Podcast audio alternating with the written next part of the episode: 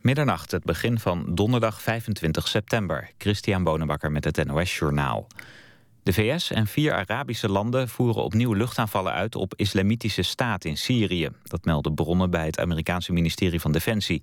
De aanvallen zouden ditmaal gericht zijn op de olieinstallaties van IS, waar de terreurgroep veel geld mee verdient. De aanvallen worden uitgevoerd door de VS en zijn Arabische bondgenoten Saoedi-Arabië, Jordanië, Bahrein en de Verenigde Arabische Emiraten. De Tweede Kamer steunt het besluit van het kabinet om ook mee te doen aan de strijd tegen IS in Irak, niet in Syrië. Behalve de coalitiepartijen staan ook veel oppositiepartijen achter het besluit om zes F-16's te sturen. De SP is tegen en vindt dat een militaire aanpak een politieke oplossing in de weg staat. Doordat Nederland F-16's naar Irak stuurt... kan Nederland voorlopig geen gevechtsvliegtuigen leveren... voor de snelle interventiemacht van de NAVO die nu wordt opgezet. Op andere manieren doet Nederland nog wel mee aan die NAVO-macht. De kinderombudsman vindt het hoopgevend dat 50 tot 75 gezinnen alsnog in aanmerking komen voor het kinderpardon. Maar hij heeft wel nog een aantal vragen aan staatssecretaris Teven. De kinderombudsman wil weten welke criteria Teven heeft gebruikt toen hij besloot dat sommige gezinnen wel mogen blijven en andere niet. Volgens de kinderombudsman zijn er nog steeds kinderen die buiten de boot vallen terwijl ze wel in Nederland geworteld zijn.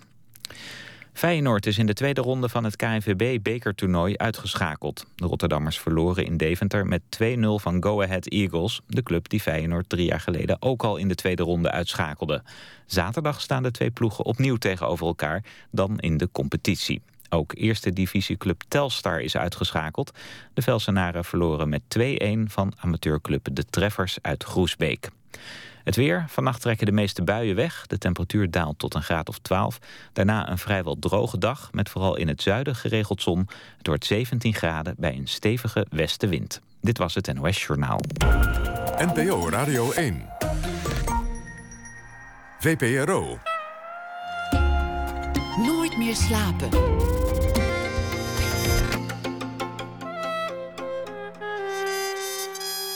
Met Pieter van der Wielen.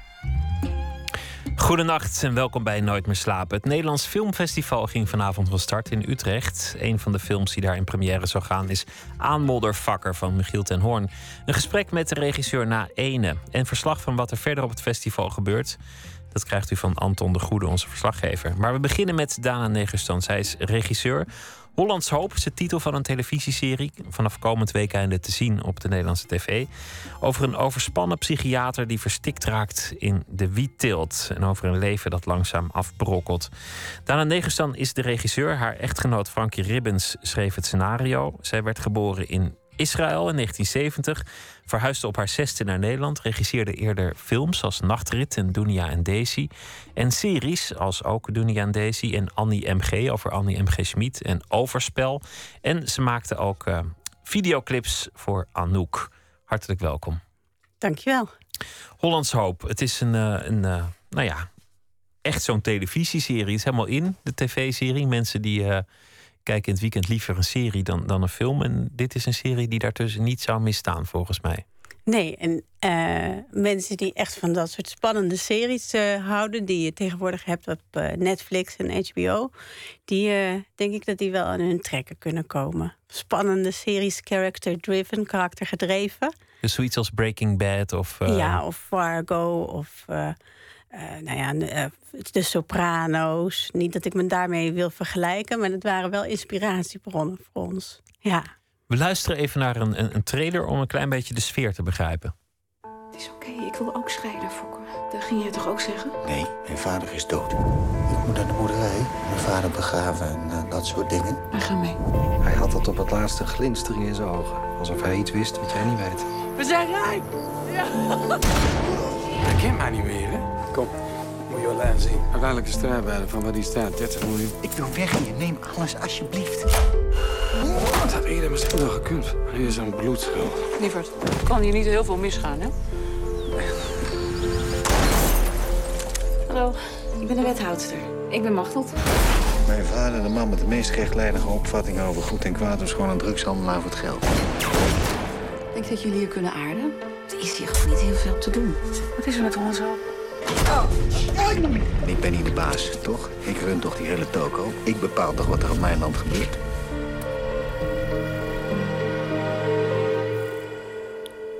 Marcel Hensema als een psychiater, Kim van Koten als zijn uh, echtgenote.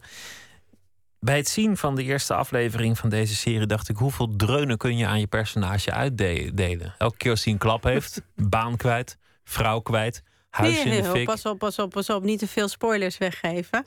Dus okay. het is straks niet leuk, hè? Om de serie te kijken. Nou, er, blijft, genoeg, er blijft genoeg ellende over. Ik, ik had deze lijst een half uur lang kunnen maken als ik had gewild. Klopt, ja. Ja, nee, je moet hem eenmaal... Wat, wat, wat we eigenlijk doen met het karakter... is totaal afpellen als een ui alle schillen eraf halen en dan helemaal kijken uiteindelijk naar acht afleveringen wie en wat er overblijft van de man. Dus je sloopt een man om bij zijn pit uit te komen. Ja, eigenlijk uh, komt het daarop neer. En het is, uh, het is heel erg spannend, maar ook grappig.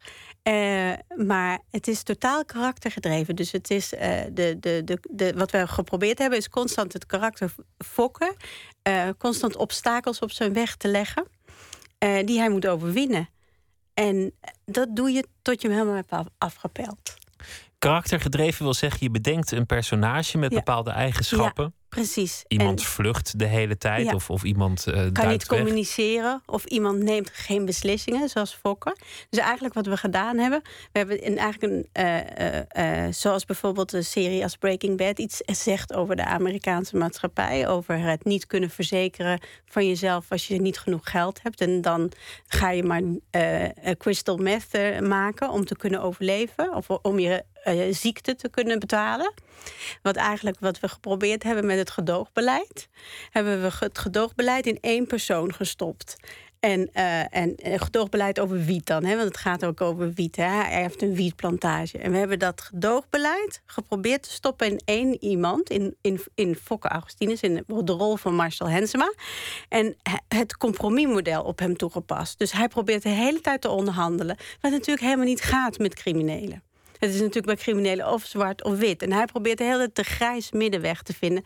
Eigenlijk zoals Nederland dat ook met het gedoogbeleid met wiet doet. En dat hebben we eigenlijk dus maatschappelijk wat wij eigenlijk. Want eigenlijk, als je met iedereen over wiet praat, dan is het echt een gedrocht beleid, zeg maar. Dat uh, niemand kan ermee overweg. Politie. Nee, want je mag, het, je mag het wel roken, maar je mag het niet bezitten. Maar je mag het wel verkopen, maar je mag het niet kweken. nou, echt, maar je mag het, is een hele ook niet invoeren. Nee, en dat hebben we eigenlijk bij, op, op die man, ge, in die man gestopt. En constant, zeg maar, dat karakter onder druk gezet. Door, door, een, door een plot. Maar het gaat eigenlijk constant over het karakter. Op een zeker ogenblik dan legt zijn vrouw, ik ga niet, niet de hele serie verpesten hoor, maar op een gegeven moment legt zijn vrouw uit wat er allemaal niet aan hem deugt. En dat doet ze in een paar volzinnen. En dan zegt ze: Nou ja, je denkt alleen maar aan jezelf, je vlucht in je werk, je communiceert niet, je, je bent onduidelijk. Het gaat zo een tijdje door. Ik dacht, dat gaat eigenlijk over elke man. Dit is wat, wat elke vrouw tegen elke man zegt. Nou ja, het is, eh, zeg, het is heel herkenbaar. Dus behalve dat het dus heel, heel spannend en grappig is, is het eigenlijk een familiedrama. En ik vind het ook zo grappig dat als mensen een paar afleveringen hebben gezien, of eigenlijk al bij de eerste aflevering, dan hoor ik, uh, want hij is ook in het buitenland al geweest en zo, en dan hoor ik mensen zeggen van ja, het is een thriller. Nee, het is een familiedrama. Oh, het is een comedy. Oh my god, it's a horror. het is, al die elementen zitten erin. Maar we hebben maar het is eigenlijk heel. Het gaat over een man die zijn kosten wat kost zijn familie bij elkaar wil houden. Hij dreigt zijn familie te, te verliezen aan, aan allerlei dingen, maar ook aan zichzelf vooral. En dat probeert hij bij elkaar te houden. En zij vecht wat hij kan. Over een, een, relatie die verscheurt en, en alle problemen die er tussen karakters kunnen, kunnen opbreken, een serie maken. En dat dan samen met je echtgenoot. Dat lijkt me ook een grappige ervaring. Nou, we hebben, we hebben um, al eerder samengewerkt met, uh, met de film Nachtrit.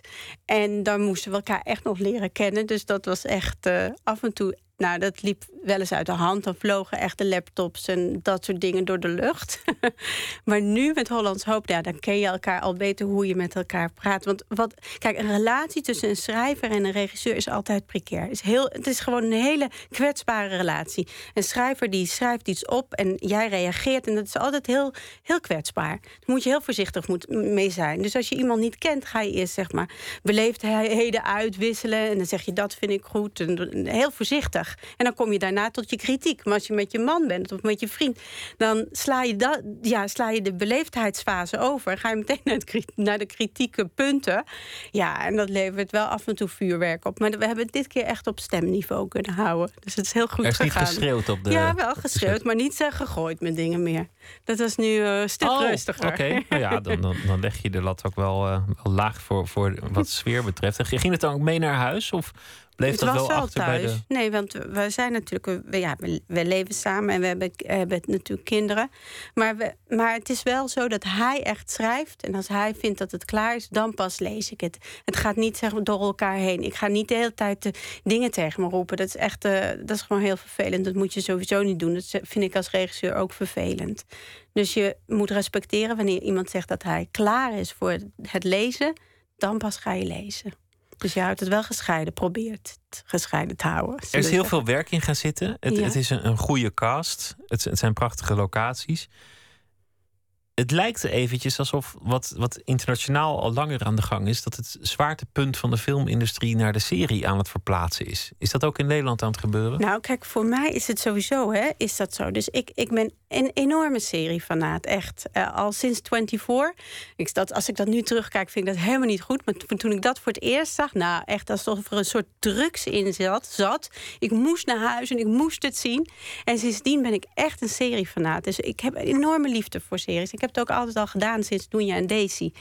En je ziet ook nu dat alle, of echt heel, niet alle, maar wel heel veel regisseurs overstappen naar series. Omdat we met de komst van Netflix en HBO en, en alle zenders eh, waar je voor moet betalen, dan kies je er echt voor. Dus je kan ook vertragen. Dus je, je hoeft niet meer bang te zijn voor het zepmoment. Dus het experiment komt bij televisie te liggen. Terwijl in tegenstelling wat je in de bioscoop ziet, is dat het allemaal enorm genregericht moet zijn. Je bent of commercieel of je bent arthouse. Maar ik maak echt crossover films, zoals Nachtrit. En Doe je aan Daisy is echt een crossover. Doe je aan Daisy is meer commercieel. Maar het is, ik, ik ben niet heel erg duidelijk het een of het ander. En dat is bij film heel erg lastig. Aan de andere kant, als je een keuze hebt om een karakter te ontwikkelen in anderhalf uur. Of in acht, in acht delen, in vier uur. Ja, dan weet ik het wel. Ik bedoel, je kan zoveel meer. Maar ik heb nog meegemaakt dat, dat het voor een acteur een veegteken was als je in een serie ging spelen. Ja, maar dat dan, is totaal veranderd. Totaal. Kijk, kijk maar naar Kevin Spacey. Ik bedoel, dat is een. En, de grote en- acteurs willen juist de televisie ja, en is niet de film. fantastisch. Ja, het is gewoon. Het is zoveel meer eigenlijk. En er is zoveel meer te ontdekken. En vroeger, dus zeg maar voor de komst van de Soprano's, eh, was een karakter stond stil. En eigenlijk met de komst van Soprano's en series als met de complex character, hoofdpersoon, zijn die, zijn, zeg maar, zijn die karakter. Eerst er, vroeger ging je, eh, haalde je je drama uit als uit een karakter wat stilstond. Elke keer was de herhaling was eigenlijk waar je, je je serie op bouwde. En nu maakt een karakter een enorme ontwikkeling door. Je zult zien in Hollands Hoop. Fokke Augustinus begint zo, op een bepaalde manier in aflevering 1... en eindigt op een totaal andere manier op aflevering 8. Maar dat kan ook binnen een aflevering al gebeuren. Dat is natuurlijk het moeilijke. Je moet werken met verschillende spanningsbogen door elkaar. Het moet binnen het uur spannend blijven, maar het moet ook over een hele Ja. reeks afleveringen Ja. spannend blijven. Ja. Hoe krijg je dat voor elkaar? Ja, dan, dan eh, nou, dat moet sowieso heel goed geschreven eh, zijn. En ik, ik, ja, het klinkt natuurlijk heel raar omdat mijn man het geschreven heeft, maar het zijn echt hele goede scripten. Scripts en hele bijzondere dialogen. Die echt heel geestig zijn. Dus de, de spanning zit hem vaak ook in scènes in Hollands Hoop. En je werkt met cliffhangers hè, aan het einde. Dus je zorgt dat je aan het einde moet je proberen iets op te bouwen. Dat je per se de volgende aflevering eh, eh, wil zien. En dat is eigenlijk techniek ook, hè, om een cliffhanger te creëren aan het einde. En dat doen ze bij, in, ja, zeg maar, ja, in, Ja, As the World Turns of GTST doet het al eeuwen. Ja, en, en hier doe je dat eigenlijk ook. Een film kan mislukken, een serie kan vast ook mislukken. Ja, zeker. En het kan door heel veel factoren mislukken. Ja. Er kan een slechte acteur in zitten, de dialogen kunnen niet lopen, de muziek kan verkeerd gekozen zijn, het, het camerawerk kan afleiden. Nou ja, ik ik kan, ik kan de lijst nog veel groter maken. Wat doet dat met het karakter van de regisseur? Als zoveel mensen voor jou je film kunnen verprutsen.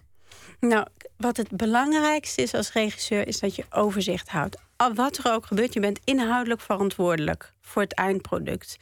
Dus eh, jij alle inhoudelijke keuzes komen bij jou, komen bij jou en worden gekozen door jou. Dus mensen bieden iets aan.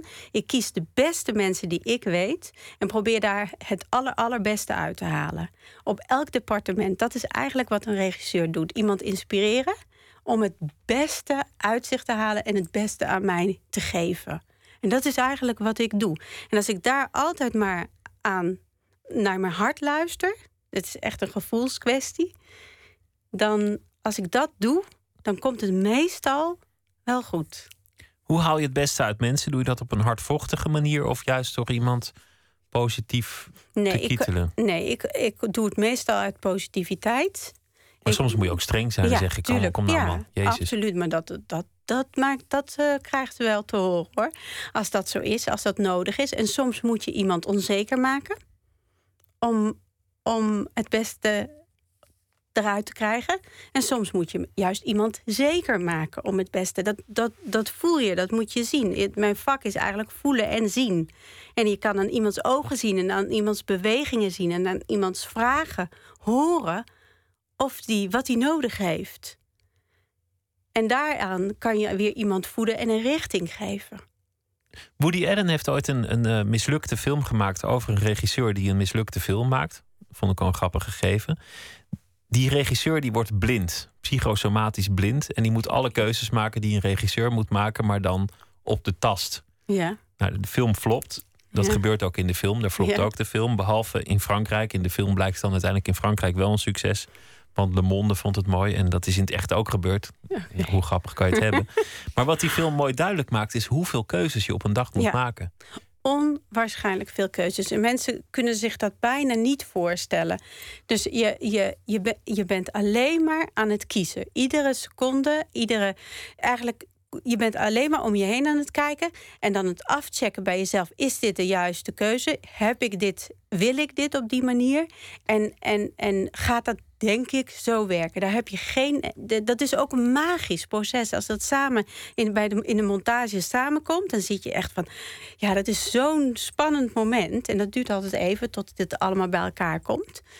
En ehm, als, dat dan, als je dan een gevoel hebt dat het werkt, nou, dat is echt. Dan ga je, dan ga je vliegen. Dan is al het leed wat ervoor was, vergeet je in één keer. Dat is echt heel bijzonder. Maar het is kiezen, kiezen, kiezen en constant een richting induwen. En. ehm, dat is, eh, en dat is ook met, met. En wat ik wel bijzonder vond met de Hollandse Hoop bijvoorbeeld. Ik kan, het is zo'n grote rol voor Marcel Hensema. Hij heeft zoveel zorgen. Dat je. ehm, ik kon dat op de set niet overzien. En dat is een keuze dan op dat moment voor mij als regisseur. Dat ik zeg tegen Marcel: we gaan van belangrijke punten in de, in de scènes of in de serie gaan we meerdere takes draaien. Want ik kan wel nu tegen jou zeggen van nou, ik vind dit een goede take, maar je zult zien dat ik later in de montage een ander ritme, een ander gevoel wilde wil hebben. En dat is heel vaak voorgekomen. Dat en waarschijnlijk editor, moet hij ook alles door elkaar doen. Dus want er ja, zit een alles, ontwikkeling acht in. afleveringen door elkaar heen. En dat is dan eh, mijn verantwoording om daar een overzicht in te hebben en mijn assistent. zijn de enigen die die boog kunnen maken. Ja. Dat vergt inderdaad ontzettend veel van hem. Want, eh, want hij moet dus die ontwikkeling terug kunnen draaien, als het ware, in zichzelf. Ja, ja, ja. Maar dat, dat kan die, als het goed is, altijd bij mij eh, te raden komen en bij de assistent. Zijn angstige blik zal ik, eh, zal ik niet snel vergeten. Straks wil ik het hebben over hoe je eigenlijk regisseur bent geworden. En, en ook iets meer over jezelf te weten komen. Maar we gaan eerst luisteren naar Bon Iver met het nummer Beach Baby.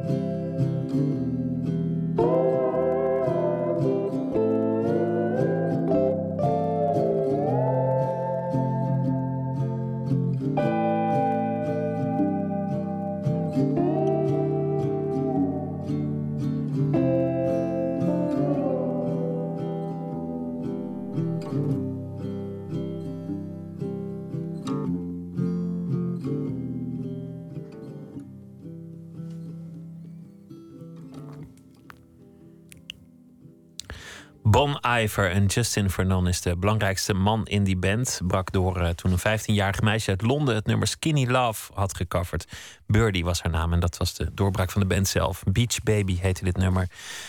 Nooit meer slapen in gesprek met uh, Dana Negustan. We hebben het uh, al gehad over de tv-serie. Ja. Hollands Hoop, die uh, vanaf komend weekend te zien is. Zaterdag om 9 uur, Nederland Zaterdag. 2. Heel goed.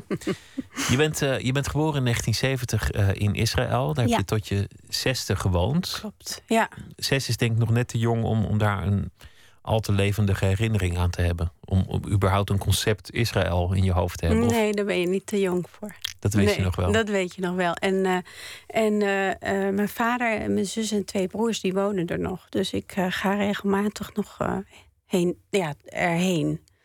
Dus ik weet, nee, dat ben ik, nee, dat weet ik nog heel goed. Heb je er gelukkige herinneringen aan? Aan Israël?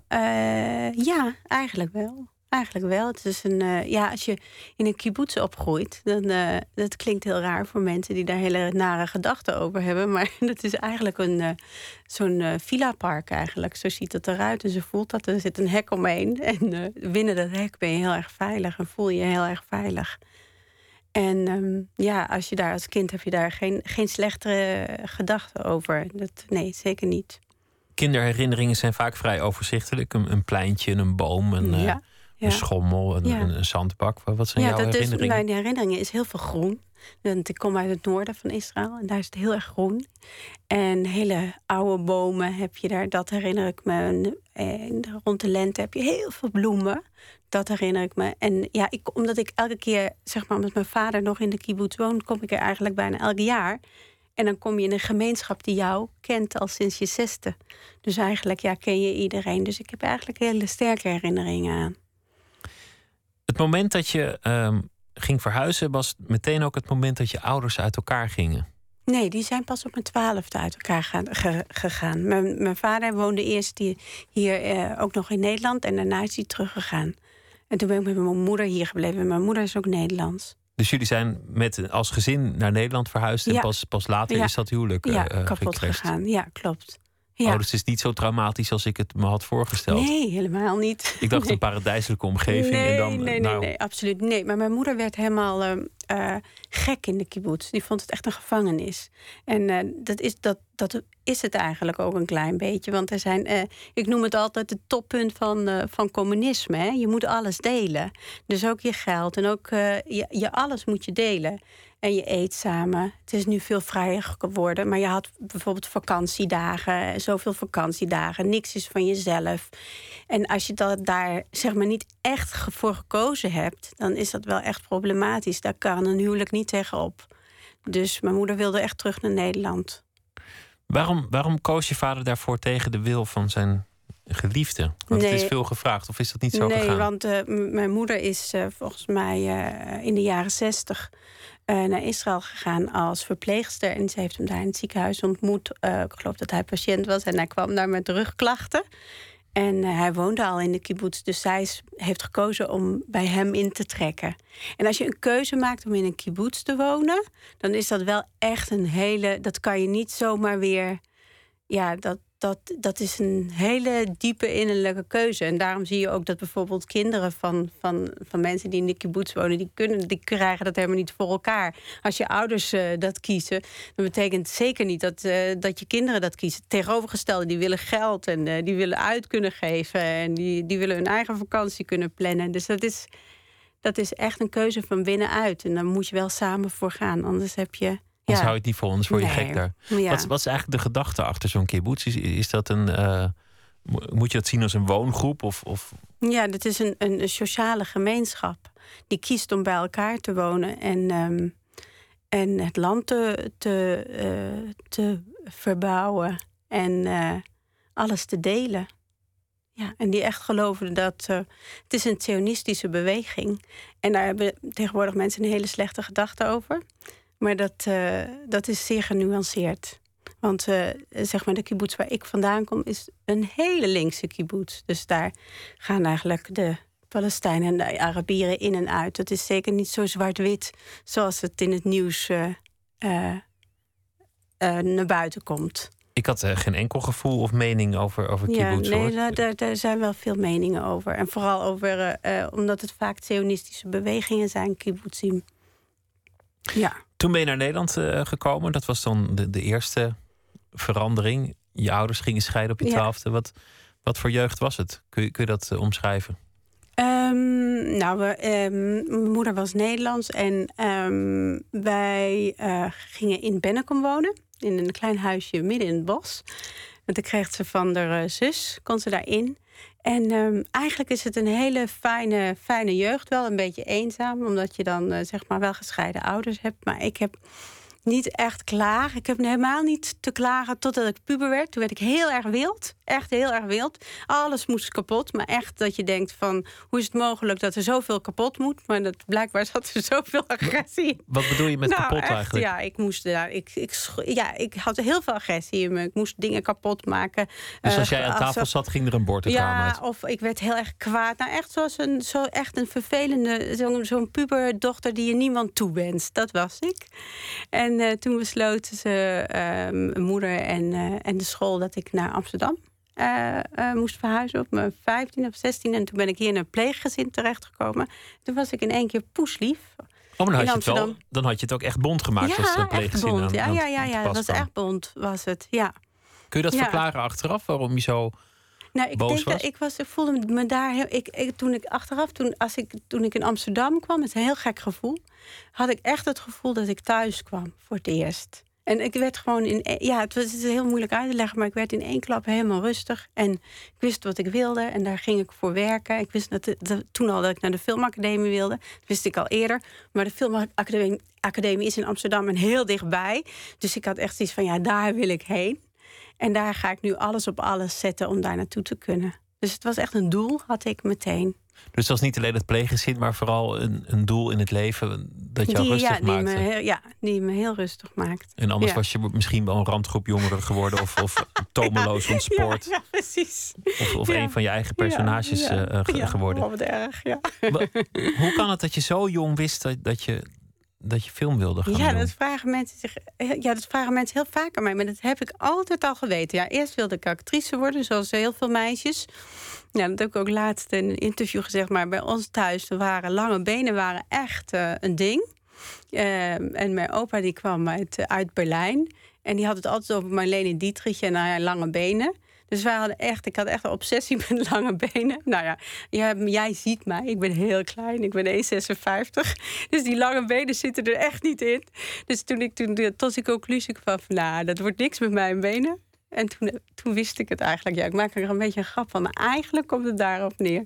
Maar eigenlijk Dat was het dan een soort, een soort meisjesdroom, die film. Nee, dat was er opeens. De actrice was een meisjesdroom. Weet je, we hebben, eh, eerst wil je iets een dierenarts worden, dan wil je actrice worden. En, en toen wilde ik filmregisseur worden. En dat heb ik altijd al geweten. En dat maakt het wel heel helder. Dus je hebt dan wel meteen een doel voor oog van dat wil ik bereiken. Is er een film geweest die jou op, op, op jouw pad is gekomen waarvan je voor het leven dacht van ja, weet je wel, dat is eigenlijk de, de film geweest die mij tot de film heeft aangetrokken? Toen wist ik dat ik regisseur wilde worden. Ehm, nee, ik denk dat dat een, een, dat dat een samenloop van omstandigheden is. Ik mocht nooit televisie kijken en ook geen films zien. Om, uh, dat, uh, dat, dat vond mijn moeder vond dat dat mijn fantasie beperkte. Ze wilde dat ik las en schilderijen keek en foto's en dat ik mijn eigen fantasie kon ontwikkelen. Dus het was een verboden vrucht. Dus het was echt super spannend om naar vriendinnen en vriendjes te gaan. Die dan wel televisie hebben of uh, stiekem naar de film te gaan. Dat was zo spannend. Ik denk dat daar een heel groot uh, deel zeg maar, uh, aan te danken is. dat, ik daar, dat ik regisseur wilde worden.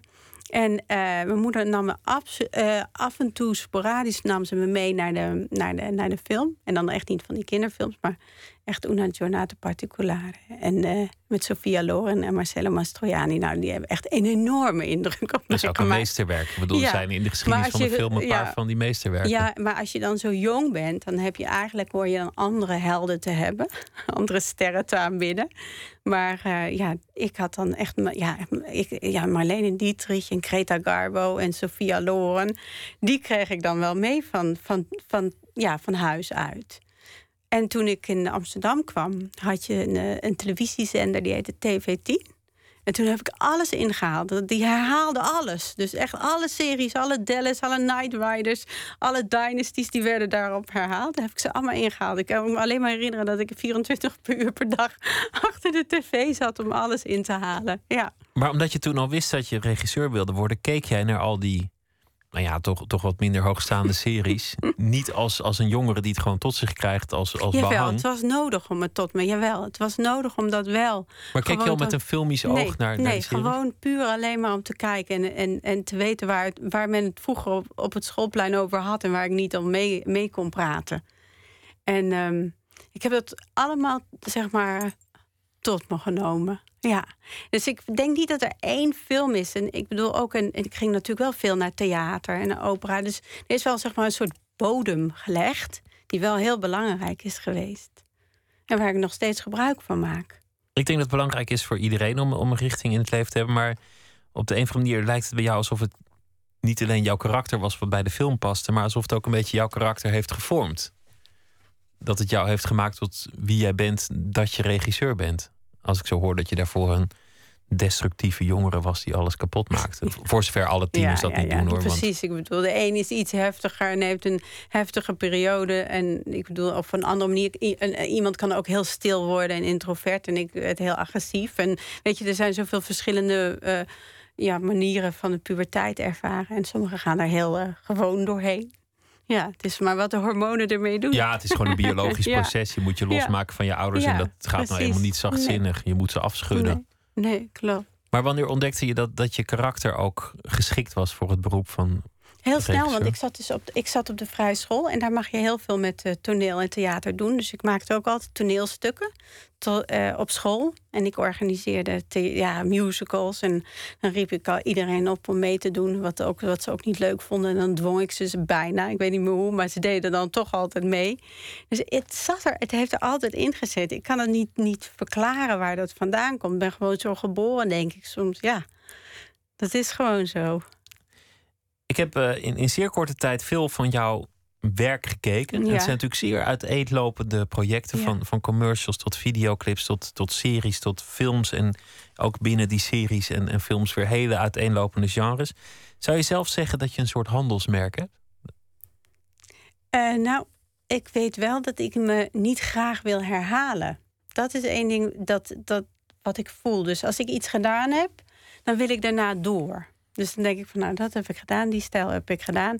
Dus ik weet niet, ik zou niet weten wat mijn handelsmerk. Dat moeten misschien andere mensen maar zien. Maar ik denk wel dat ik dat ik uh, uh, dat dat uh, acteursregie en dat visueel, dus zeg maar vorm en acteursregie, dat dat, dat wel sterk samenkomt.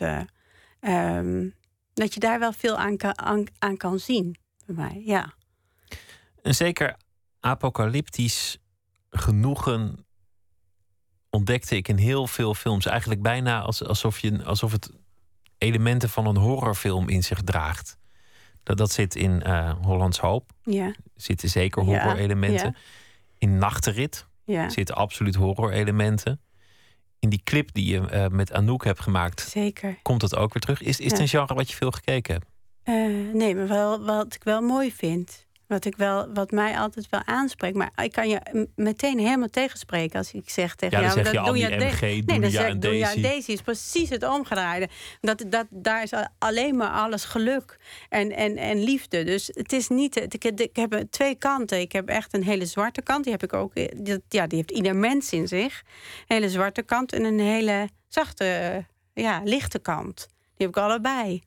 Eh, en, eh, maar ik probeer wel, wel eh, wat, ik, wat ik nu goed geluk vind met Hollands Hoop... en dat heb ik heel lang geprobeerd... en dat heb ik nu gevoel dat dat gelukt is... is dat dat zwarte gecombineerd wordt met humor.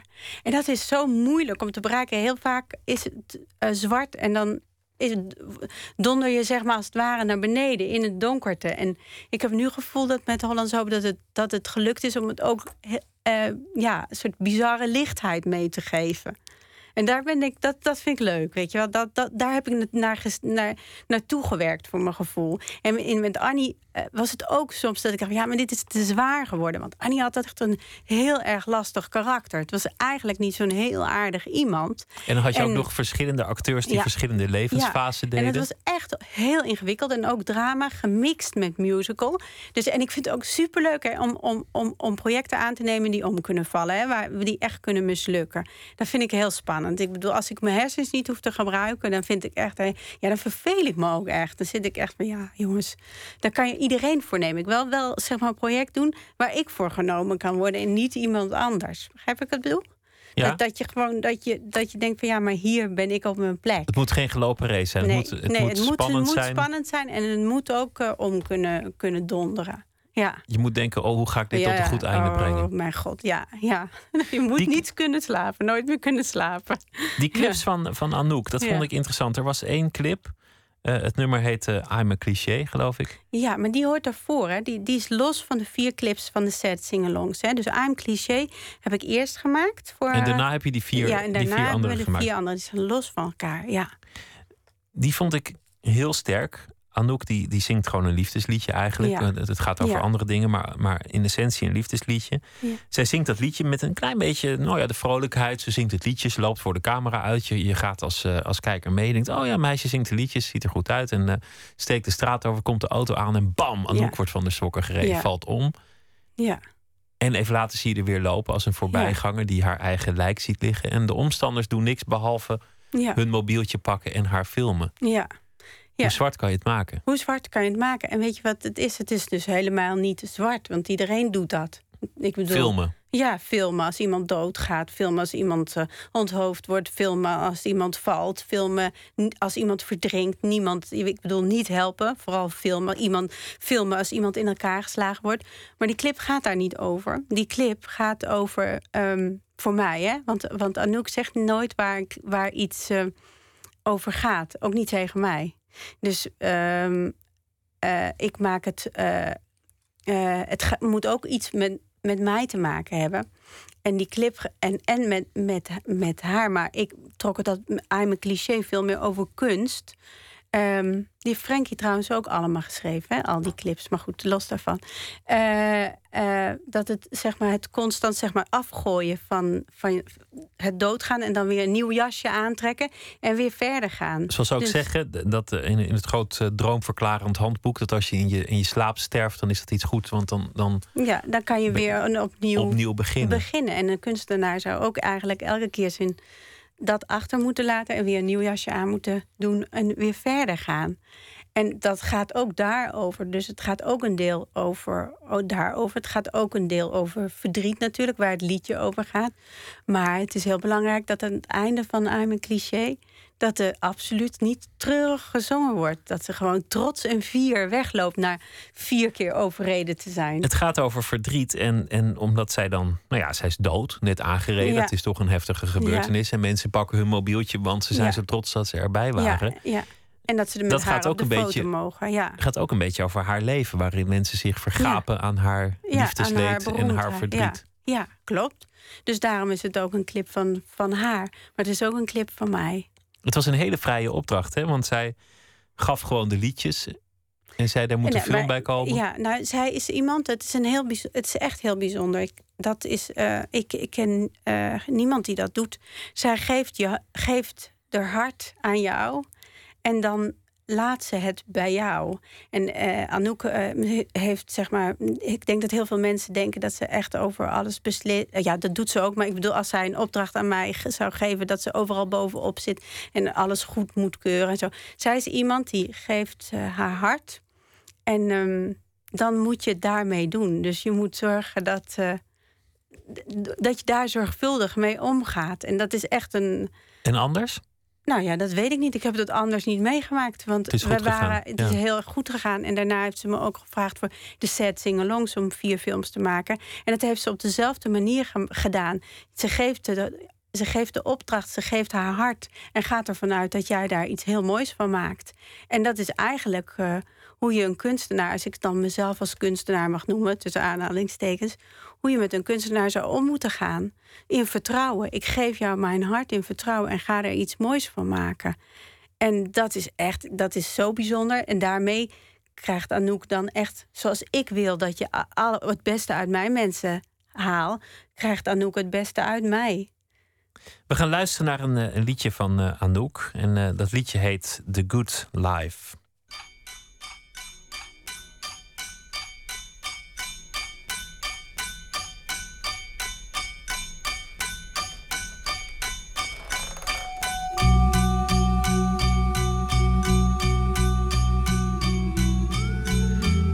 Ticking and it's crawling forward. Turns boys into men, it's awkward, the good life. Time to live and a time to die. A time to fall and a time to fight, the good life. Every word is just another lie. I wonder why I do even try.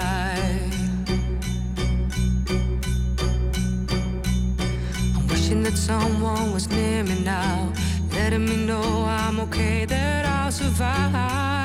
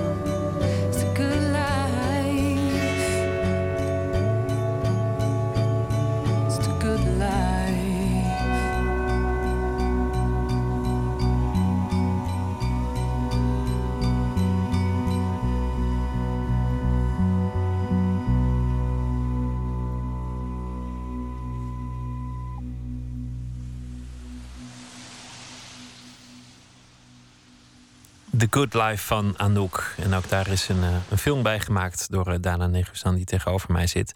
Ja. Dit was uh, weer een heel andere sfeer dan, dan de clip waarin, waarin Anouk stelselmatig ja, maar wel allemaal, werd. allemaal zwart. allemaal heel donker ook, toch? Deze ook. Deze is ook heel donker. En zo'n jongen die erachter komt dat hij, dat dood is. Terwijl hij dat zelf niet doorheeft. Past wel bij, de, bij de sfeer van het liedje. Daar kan je niet een hele Nee. luchtige clip aan Nee, maken. nee, nee, nee, dat klopt. Dat heb ik ook, eh, ja, dat heb ik ook gezegd. Maar ik vind het wel leuk om, dat, over, over dat, om de, het beste uit je te halen. Ik vind het ook echt, eh Anouk als, als mens eh, mij heel, heel erg inspireert. Er zijn niet veel mensen die mij op die manier kunnen, kunnen inspireren als zij.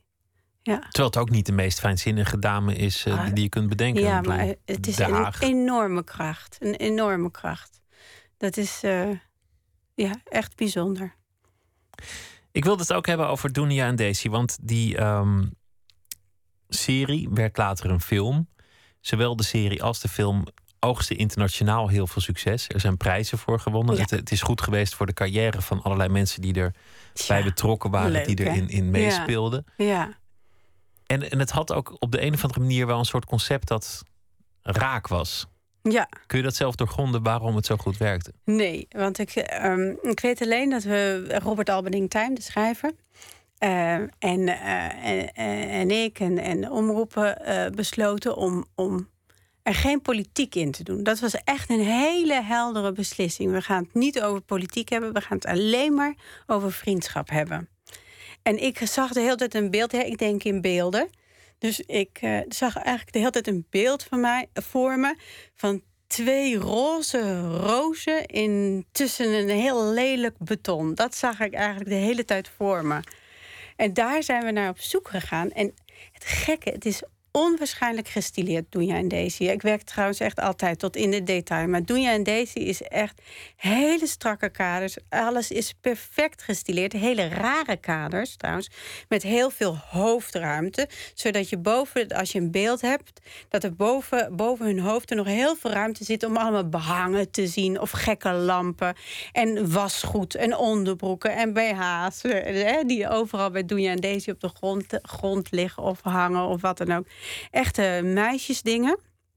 Maar dan boven de realiteit opgetild. En sommige shots staan wel twee minuten of zo.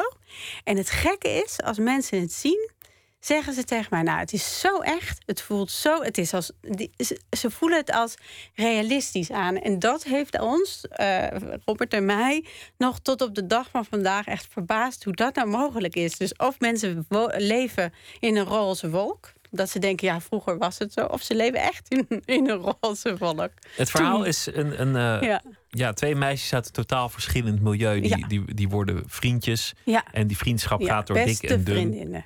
En zo worden eigenlijk alle culturele verschillen... die worden in het kader van een vriendschap beleefd. Totaal opgeheven, ja. En dat gaat steeds verder. De een wordt uitgehuwelijkt, eh, eh, moet naar de moskee. nou ja, alle multiculturele problemen die je kunt tegenkomen. Die, Ja, maar ook vooral gewoon echt meisjesdingen. Dus verliefdheid, de eerste keer doen. eh, eh, wat is je lievelingskleur? eh, leuke jongens. Dat is eigenlijk veel meer doen je aan Daisy dan al die multiculturele problemen. Die hebben we eigenlijk bijna niet behandeld. Die kwamen in de film wel meer voor, maar in de serie waren het echt meisjesdingen.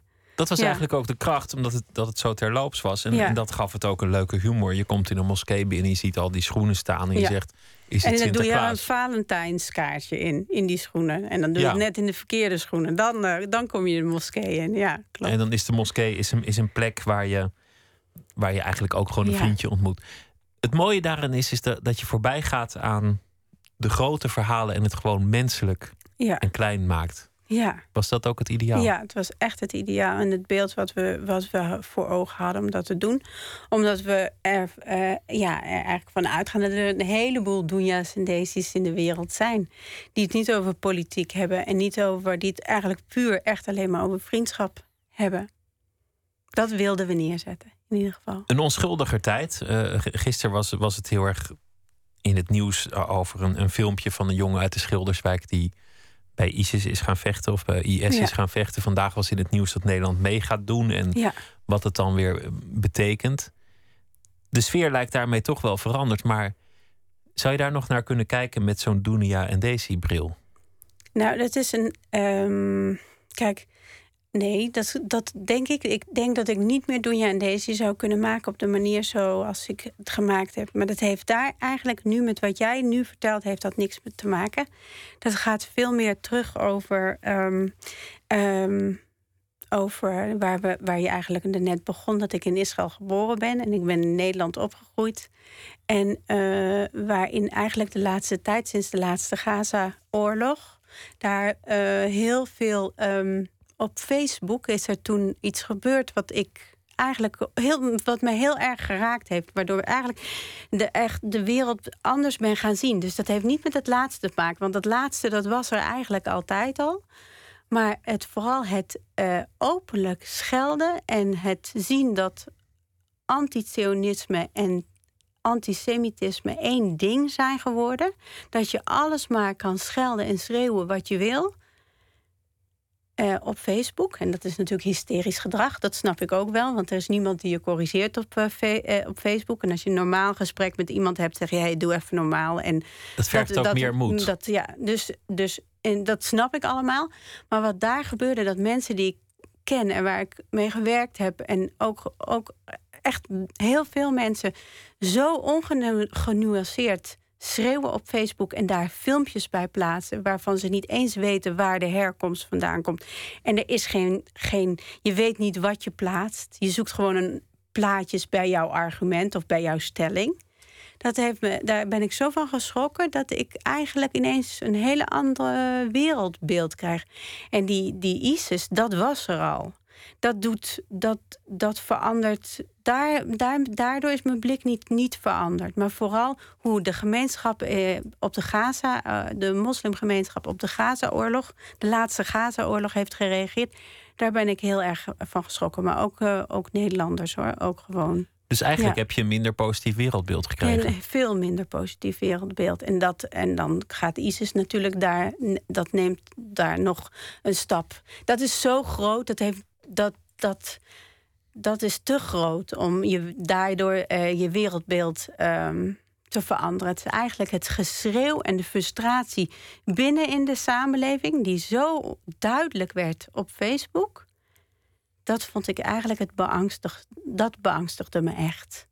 Maar de, de kracht van, van die serie Dunia en Daisy en van de film was dat je voorbij gaat aan alle grote verhalen en het gewoon Ja. menselijk maakt en, Ja. en daarmee ook begrijpelijk en inzichtelijk. Ja.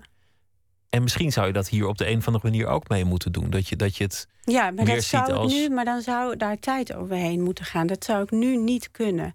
Als een tweet van zo'n ambtenaar over eh, ISIS is een sionistisch complot, als dat zoveel eh, eh, mensen, zo, zoveel steunbetuigingen heeft gekregen als het heeft gekregen, zo'n tweet, nou, daar word, dan, dan, daar word je heel erg moedeloos van. Dan, dan, dan zakt de moedje in de schoenen. Want eh, ehm, dat, dat is zo tekenend. Dat, dat, dat heeft mij beangstigd en dat heeft wat veranderd in mij. En Nou misschien heeft, eh, komt het wel Twitter heeft ons eigenlijk geleerd wat we stiekem allemaal al wisten. En dat daarnaast een heel veel leuke en slimme mensen ook best wel veel vervelende en domme mensen zijn.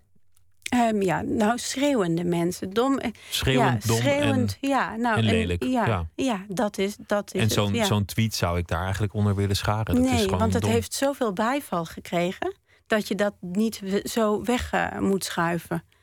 Dat, dat zegt heel veel. Dat heeft onwaarschijnlijk veel bijval gekregen, die tweet. Heel veel mensen geloven daarin. En dat zijn gewoon. eh, en, en die vrouw heeft gewoon gestudeerd. En ik vind dat, dat heel ernstig. En dat is een van de vele tweets. Maar haar bijval, die, de, de, de bijval die ze kreeg, die, die was wel heftig. Ja. Ik denk dat het een feit is dat het antisemitisme enorm is toegenomen. En dat het ook onder be- bepaalde nou ja, islamitische bevolkingsgroepen in bepaalde kringen, dat het daar heel wijd verbreid is. Daar hoeven we niet geheimzinnig Nee. over te doen. Je hebt, je hebt een aantal jaar geleden een filmpje gemaakt tegen Wilders. Ja, zeker. De ja. kracht van dat filmpje was dat je eigenlijk politieke gedachten die, die Wilders uit, Ja. zijn uitspraken, Ja.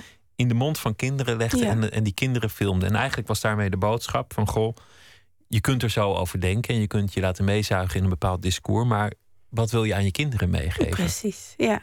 En eh, dat geldt nog steeds. Dat, is, die, dat filmpje is nog steeds precies wat ik wilde doen. En, en uh, je mag zo niet over mensen praten. Je mag niet generaliseren op de manier zoals Wilders dat doet. En uh, daar, daar staat het filmpje nog nog uh, vieren. En daar ben ik ook echt, sta ik helemaal achter. Mensen waren ook geschokt, hè? Dat, Heel erg geschokt. Dat, want je ziet, gewoon, je ziet gewoon schattige kindertjes die zeggen... nou ja, we moeten de straat ja. heroveren ja. of het is islamitisch ja, nee, het, zijn, het zijn de woorden van, van Wilders, die heb ik uh, door kinderen laten zeggen. En dat is eigenlijk wat je met kunst doet. Hè? Dat haal je uit, uit het, het, een context en dat stop je ergens anders. En dan hoor je het weer. Hè? Want als mensen zo schreeuwen, zoals bijvoorbeeld Wilders dat doet... dan hoor je het op een gegeven moment niet meer. En wat ik wilde is eigenlijk luister eigenlijk wat er gezegd wordt. Volgens mij zou je het met iedere politieke partij kunnen doen. En je zou je kind geen enkele politieke uitspraak willen horen doen. Want als je zegt van we moeten de energiemarkt liberaliseren. Dat ja, wil je dan ook hoor niet. je hem ook. Dan, dan, uh, dan is het ook raar. Wil je ook maar, niet uit de mond nee, maar ik ben het er niet mee eens. Want uh, uh, wat, wat Wilders natuurlijk doet, is het zo neerzetten van een groep in een hoek. Dat de nuance, de nu, er is geen nuance meer. En dat is eigenlijk nu ook. Maar lukt het jou zelf nog om die, om die nuance te be bewaren? en als je zelf een somberder wereldbeeld hebt gekregen, twijfel je dan ook aan wat je aan je kinderen meegeeft? Nee, ik denk dat je altijd de nuance moet. Uh, dat is hartstikke moeilijk, hè? omdat wat ik je net vertelde, om de nuance te bewaren. Als je uh, al, die, al die heftige Facebook-filmpjes uh, ziet en uitingen. Uh, dat, dat is bijna niet te doen om je nuance te bewaren. Maar dat moet je wel doen. Je moet nadenken voordat je tweet. Je moet nadenken voordat je iets op Facebook plaatst. En waarom? En waar, waar is het podium? Waar, waar, wat wil je op dat moment? Wat wil je? Wil je laten zien wie jij bent? Of wil je echt, uh, echt een argument of een stelling innemen? Dus ik, je moet nooit je moet proberen altijd nuance te bewaren. Maar je mag wel kritiek hebben en je moet goed kijken. En wat ik mij zelf kwalijk neem, is dat ik het niet heb misschien wel willen zien. Dus dat ik zo, ook door mijn achtergrond, zo heb uh, willen. Uh, zo in, in een vriendschap geloof. Van doe je aan deze kant? Dat wil ik. Ik wil zo'n wereld waar alles goed is. Waar, je, waar geen politiek is, dat is eigenlijk een soort van utopie, een, een droombeeld. Ik denk dat heel veel mensen dat hadden. Ik denk dat heel veel mensen, ik zelf ook, verbaasd zijn dat er Haagse jongens, geboren en getogen in Den Haag, naar Syrië gaan om, om daar zich aan te sluiten bij een groepering die er genot aan beleeft om mensen te onthoofden. Ja. Dat ja, had ik maar, vijf jaar geleden niet gedacht. Ja, maar het was er wel. Alleen je wilde het niet zien. Vermoedelijk, ja. Dat is eigenlijk de conclusie. Kijk, je kan, uh, wij zijn zo, of ik ben bijvoorbeeld, kom, uit een heel links nest, waar echt de, de opgevoed met van je moet je inleven in de ander en proberen de ander te begrijpen. En als je zulke lelijke dingen ziet, dat, dat wil je helemaal niet zien. Dat wil je niet. Maar het is er wel. En toch moet je niet over groepen praten. En, en nee, toch want moet het je zijn ieder individuen. individu. Ja, absoluut. Alleen je moet wel een beweging van. Ja, maar je moet wel een beweging natuurlijk in de gaten houden. Hè. En individuen bewegen zich in een groepering en in een groep en hebben een, groeps, uh, ja, een groepsgedrag. We zijn gewoon uh, ja, een kuddebeesten. Dus daar moet je wel echt op letten. We zijn eruit. De serie die is uh, vanaf zaterdag te zien op uh, Nederland 2. Ja, om 9 Hollands uur. uh, Hoop. Hollands wat Hoop, wat ja. wordt je volgende project eigenlijk? Ik hoop Hollands Hoop 2. dat Oh, hoop meteen- ik echt. meteen ja, gewoon nog een- ik. een reeks. Ik ben nog niet klaar. Nee, echt niet. Ik wil nog even door. Het zijn, het ligt, eh, het zijn zulke mooie karakters. Je moet gewoon gaan kijken en, en genieten. En dan misschien willen jullie ook, eh, of eh, jij of andere mensen ook een deel 2 hebben. Ja, ik, ik ben zo benieuwd of. ehm, nou ja, ik, ik hoop gewoon dat mensen het eh, een, leuke avond hebben. Gewoon spannend, spannende tv-avond. En dan moeten de bobo's eh, beslissen op basis van kijkcijfers en, eh, Waarschijnlijk wel, ja. en dat ja. soort dingen. Nou, Ja. Ik wens je heel veel succes, Dana Negersan. Dank dat Dankjewel. je te gast wilde zijn. En eh, heel veel succes met de serie en het eh, eventuele vervolg erop. Dankjewel. Zometeen in eh, Nooit meer slapen nog meer film. We gaan eh, kijken naar wat er allemaal gebeurt op het Nederlands Filmfestival. En hoe je inzichtelijk maakt aan het publiek waarom iets een hele goede film is. En wat maakt een film nou eigenlijk zo ontzettend goed. En we gaan ook kijken naar een eh, nieuwe Nederlandse film, Aan Modderfokker. Een gesprek met de regisseur daarover. En u krijgt ook nog een verhaal van eh Tjeet Bruinja. Die is deze week onze schrijver. Dat allemaal zometeen. Twitter, het VPRO NMS. Of via de mail nooit meer slapen, VPRO.nl.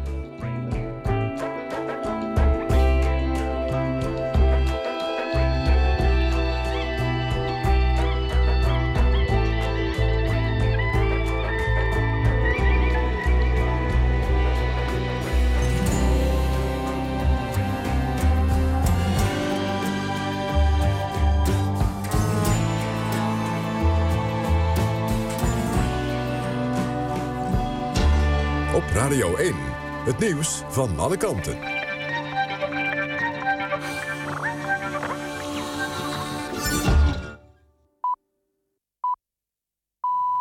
1 uur, Christian Bonenbakker met het NOS Journaal. Premier Rutte heeft bij de Verenigde Naties in New York... een korte toespraak gehouden over de aanpak van IS. Hij sprak van een ernstige dreiging die om een stevig antwoord vraagt. Rutte vertelde op de algemene vergadering van de VN ook over het Nederlandse besluit om F-16's naar Irak te sturen en zei dat Nederland daarnaast militaire training en adviezen geeft. Terwijl Rutte in New York zat, besloot het kabinet gisteren dat Nederland zes F-16's en twee reservetoestellen naar Irak stuurt. In totaal gaan daar 380 mensen mee. De missie zal zes tot twaalf maanden duren en beperkt zich tot Irak. In Syrië zullen de Nederlandse F-16's geen doelen bombarderen. De Tweede Kamer staat in grote meerderheid achter het besluit, maar de SP is tegen. Die partij vindt dat een militaire aanpak een politieke oplossing in de weg staat. De VS en twee Arabische bondgenoten voeren opnieuw luchtaanvallen uit op islamitische staat in Syrië. Onder de doelwitten zijn ook twaalf olieinstallaties van IS, waar de terreurgroep volgens de Amerikanen zo'n 2 miljoen dollar per dag mee verdient. De aanvallen worden uitgevoerd door de VS, Saoedi-Arabië en de Verenigde Arabische Emiraten. Ook in Irak gaan de aanvallen op IS door. Volgens de Amerikanen is de terreurgroep deze week al op zeker 20 verschillende plekken aangevallen. Minister Bussemaker keurt het af dat mbo-scholen uit financiële overwegingen kwetsbare leerlingen weigeren. In Nieuwsuur noemden ze dat schokkend en onwenselijk. Een school in Doetinchem luidde de noodklok over probleemleerlingen die de school extra geld aan begeleiding kosten. Volgens de directeur worden mbo-scholen afgerekend op het aantal leerlingen dat een diploma haalt. En leidt dat beleid ertoe dat scholen moeilijke leerlingen weigeren. Volgens Bussenmaker is er niets mis met haar beleid en krijgen de mbo-scholen genoeg geld om ook moeilijker lerende jongeren te begeleiden.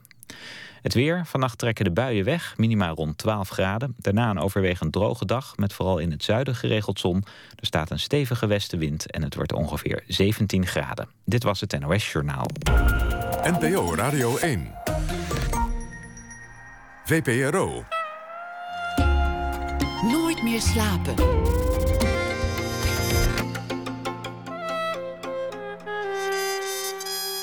Met Pieter van der Wielen. U luistert naar Nooit meer slapen. We beginnen dit uur met een schrijver die wij een verhaal laten maken bij de afgelopen dag. En deze week zat Jade Bruinja.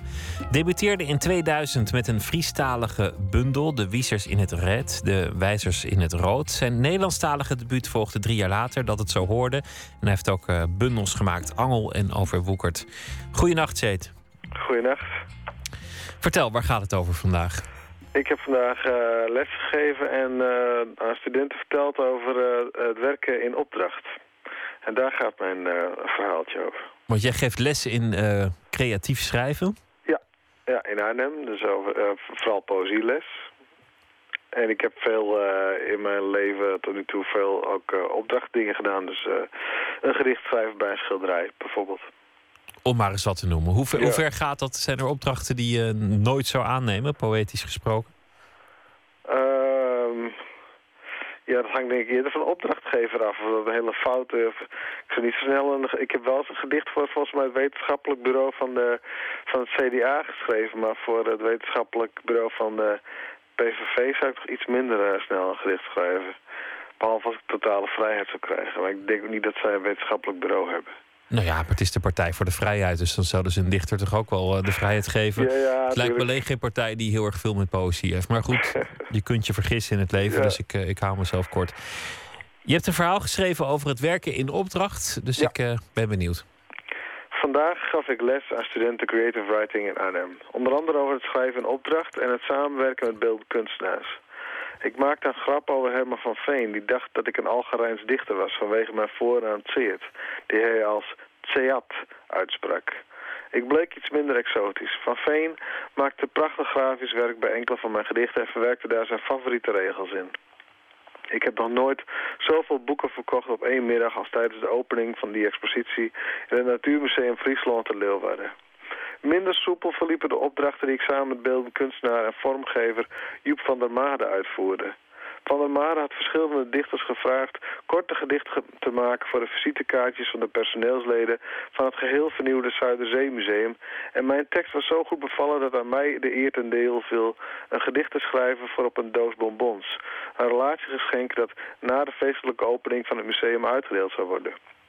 De chocolaatjes kregen een speciale vulling die paste bij het aquarische thema. Zo zouden sommige gevuld worden met zeewier en weer andere met haring. Ik besloot een gedicht te schrijven over de smaak umami, een van de vijf Japanse basissmaken. Naast zoet, zout, zuur en bitter, een soort van hartig. De regel, een Japanse vriend komt in je mond tot leven, werd echter niet geslikt door de directie van het museum. Dat met grote vrezen vreesde dat hun christelijke bezoekers er aanstoot aan zouden nemen en er seksuele, misschien zelfs wel homoseksuele activiteiten zouden mee herkennen. De opdracht ging naar een andere dichter, maar ik kreeg toch maar 400 euro. Helaas heeft nooit ook maar een van die bonbons met zeewier of haring mijn huig mogen passeren. Van der Made bleef ondanks alles in mij geloven. Misschien omdat het redelijk goed witte wijn met mij drinken is. Wij wierpen ons op de nieuwe en inmiddels ook alweer jaren ter ziel gegane boekhandel Kosbox te Alkmaar. Ik schreef onder andere een driedelige, een drieregelige tekst die Van der Made uitermate geschikt leek voor op de bedrijfskleding. Ezelzoor mij, breek mijn rug, lees mijn stuk. De Cosmox-medewerkers zagen voor hun geestesoog echter het lezend publiek spontaan in een bende hooligans veranderen... die zich niet op de ruggen van de boeken, maar op die van de kassavrouwen en balie-medewerkers zouden werpen. Wat voor actie ze verwachten in het geval van Eelsel en mij, heb ik nooit geweten.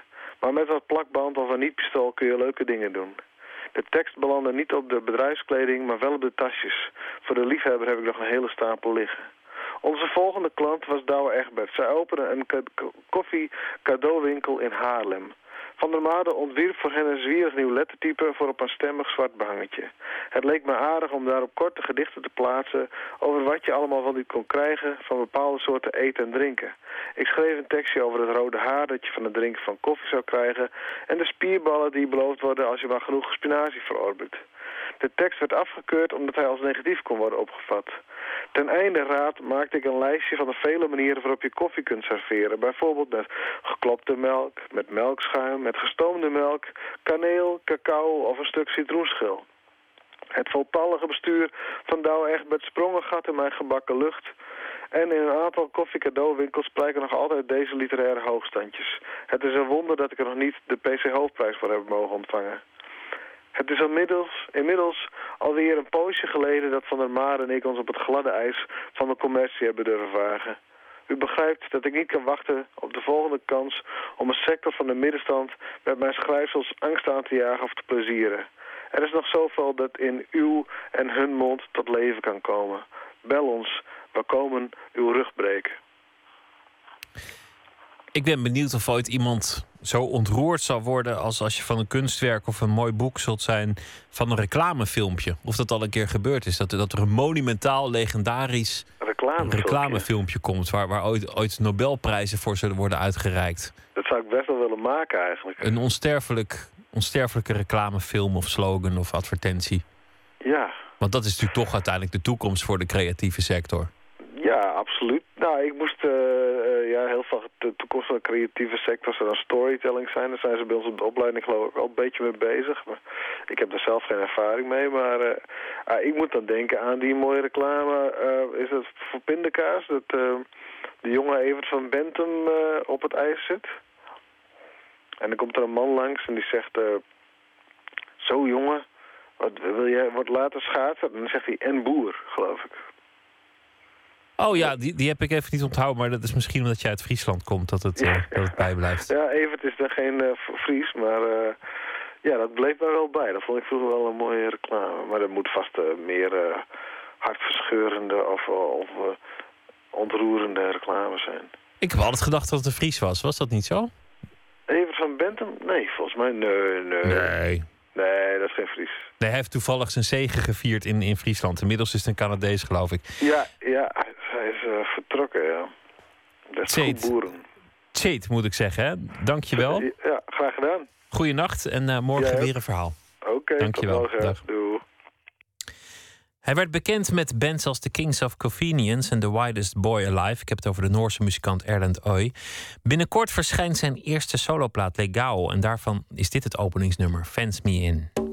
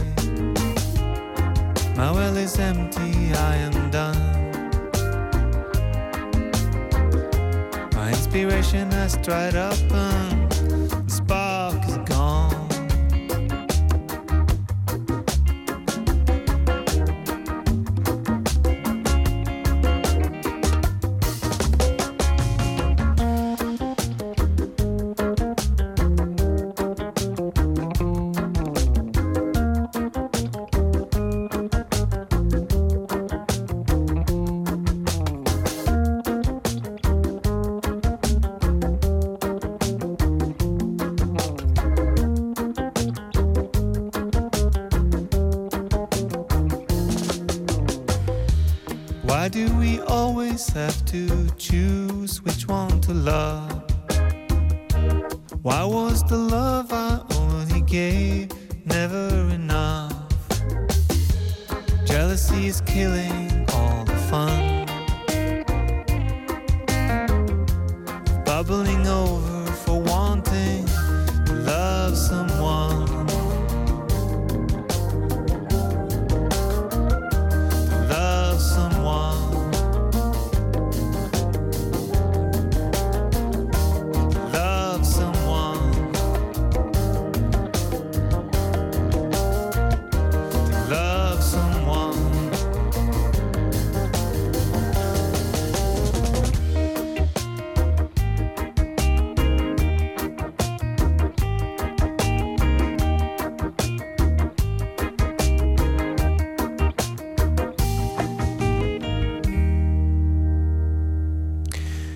...3 oktober komt het album Legaal uit. De Noorse zanger-gitarist Erland Oy was dat. Fans Me In heet het nummer.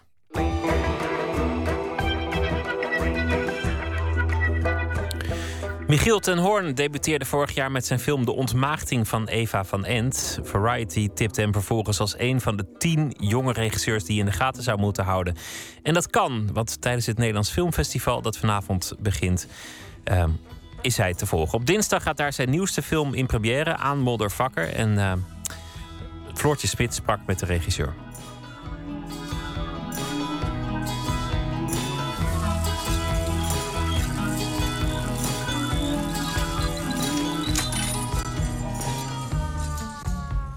Eh, de film gaat over Thijs. Thijs is een jongen van eh, 32 die eh, eigenlijk maar geen man wil worden. Gespeeld door Gijs Naber, wat hij echt te gek doet.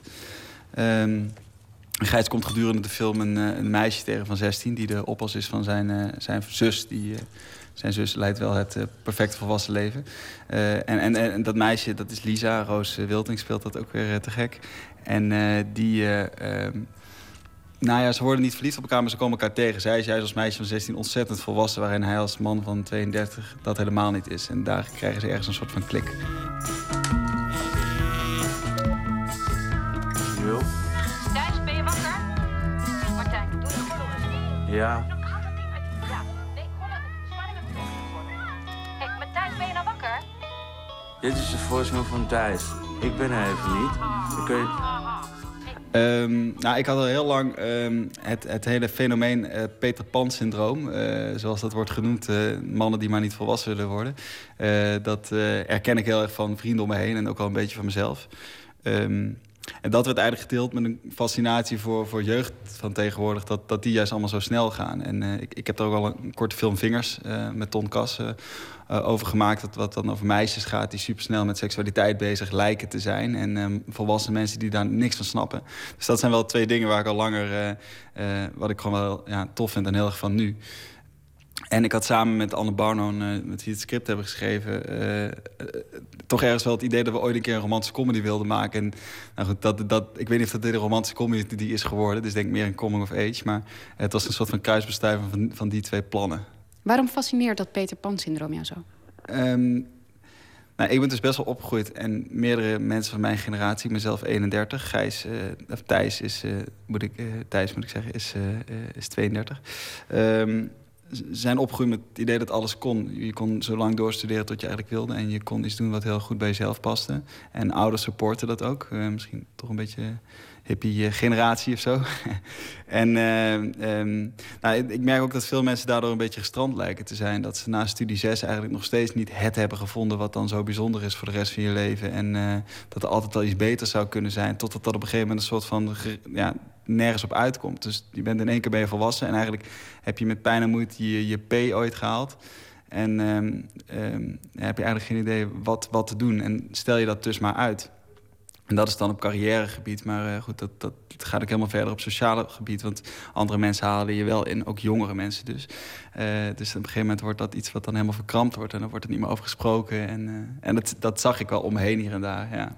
Dat zag je om je heen, ook bij jezelf?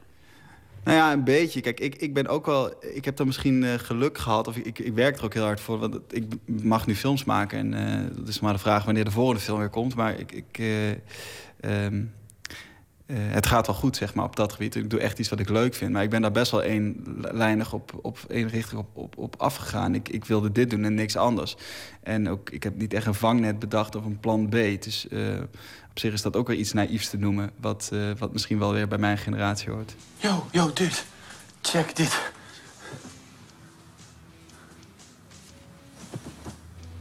Holy fuck.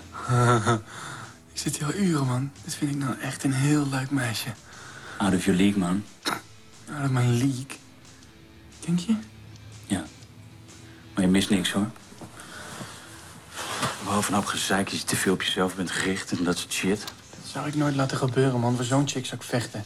Ja, hoor. Zei die terwijl hij ligt ontbinden op de bank. Nou, op mijn leeftijd is dat tenminste nog normaal. Wat bedoel je daarmee? Niks, man. Relax. Oh, hier. Check dit. Hoe makkelijk is het om zo'n jongen als, uh, als Thijs sympathiek te houden? Nou, dat, dat is best wel een, een, ding geweest over discussie de hele tijd. Ik heb er echt nooit voor gevreesd. Maar uh, op het moment dat je praat met, uh, met omroepen of producenten... die heel erg supporter waren en vooral wilden doen wat ik vaak ook gewoon ervoor durfde te gaan. Hoor. Maar het gaat er wel het over. sowieso ga maar eens een film schrijven en verzinnen over iemand die eigenlijk niks wil. Dat is zeg maar filmfout nummer één. Uh, en daarnaast is, ja, ik denk dat Gijs ja, hij is onwijs van het schelden, negatief, zagrijnig. Maar je voelt volgens mij wel, en dat is wel iets waar ik echt naar heb geprobeerd te, te zoeken met Gijs Naber ook. En ook al in het script, dat het een masker is en dat het onmacht is. Dus dat je, en jij kent jezelf er ook wel in. Mensen om hem heen zijn eigenlijk eigenlijk vervelender dan hij is. Dus je, geeft hem ook wel gelijk dat hij ze van zich afduwt of ze de verrot scheldt of zo. Dus, um, maar ik denk in de laatste plaats dat het ook echt zit in het persona, pers, persoon Gijs Naber... die dat gewoon supergoed heeft gespeeld. Dat hij lijkt gewoon een soort van warse puber. Uh, die je ook niet heel serieus kan nemen in zijn voeden. Dus uh, je voelt wel van nou, op een gegeven moment uh, is één ding wat er in deze film in ieder geval moet gaan gebeuren: dat, dat hij minder een klootzak wordt of een motherfucker, zeg maar. Ik heb naar hem zitten kijken in die film. Ik zat te denken: hoe oud ben jij nou ook weer? Ik wist het gewoon ah, echt ja. niet meer. En wat dacht je dan hoe oud dat hij zou kunnen zijn? Of... Ik, kwam, ik kwam er echt niet meer uit. Ik dacht dertiger, maar daar bleef je ook bij hangen. Ja, het wordt wel een paar keer hardop uitgesproken. Maar ook wel goed op zich dat je het op een gegeven moment vergeet. We hebben de hele tijd gewoon gestreefd van... jij speelt gewoon een jongen van 16 in zijn houding, in zijn bewegingen... in zijn loopjes, in zijn uh, kleding. Uh, Dus dat is wat we bij beide personages hebben gedaan. Dat je op een gegeven moment... Gijs ziet er af en toe super oud uit. En ook veel ouder dan dat hij is. Omdat we hem gewoon verrot hadden gemaakt. En met licht en zo spelen. Dat in één keer is hij gewoon 50 bij wijze van spreken. Als hij met een kater wakker wordt op de bank. Ehm, en zo hebben we bij Lisa ook geprobeerd. Dat zij vanuit een meisje in één keer naar een vrouw ging. En dat je eigenlijk denkt op, eh, op het moment dat ze dichtst bij elkaar zijn. Van, nou, waarom eigenlijk niet? Eh, maar de dag daarna eh, met zonlicht en, en de realiteit van de ochtend... is zij dat in één keer... hebben we haar echt weer een meisje van 15 gemaakt. Dat je denkt, wat de fuck is er gebeurd? En daar hebben we het dus ook wel mee gespeeld, ja. Dit is gewoon het echte leven, man. Gewoon op fucking dinsdagavond naar de kroeg. Ik vind dat serieus zo fucking vet aan jou. Dat jij gewoon echt doet waar je zelf zin in hebt, weet je wel. Zonder je ene fuck aan te trekken van, van conventies en verwachtingen, weet je wel. Ja, man. Leven is inderdaad fantastisch. Precies zoals ik me vroeger had voorgesteld. Hè?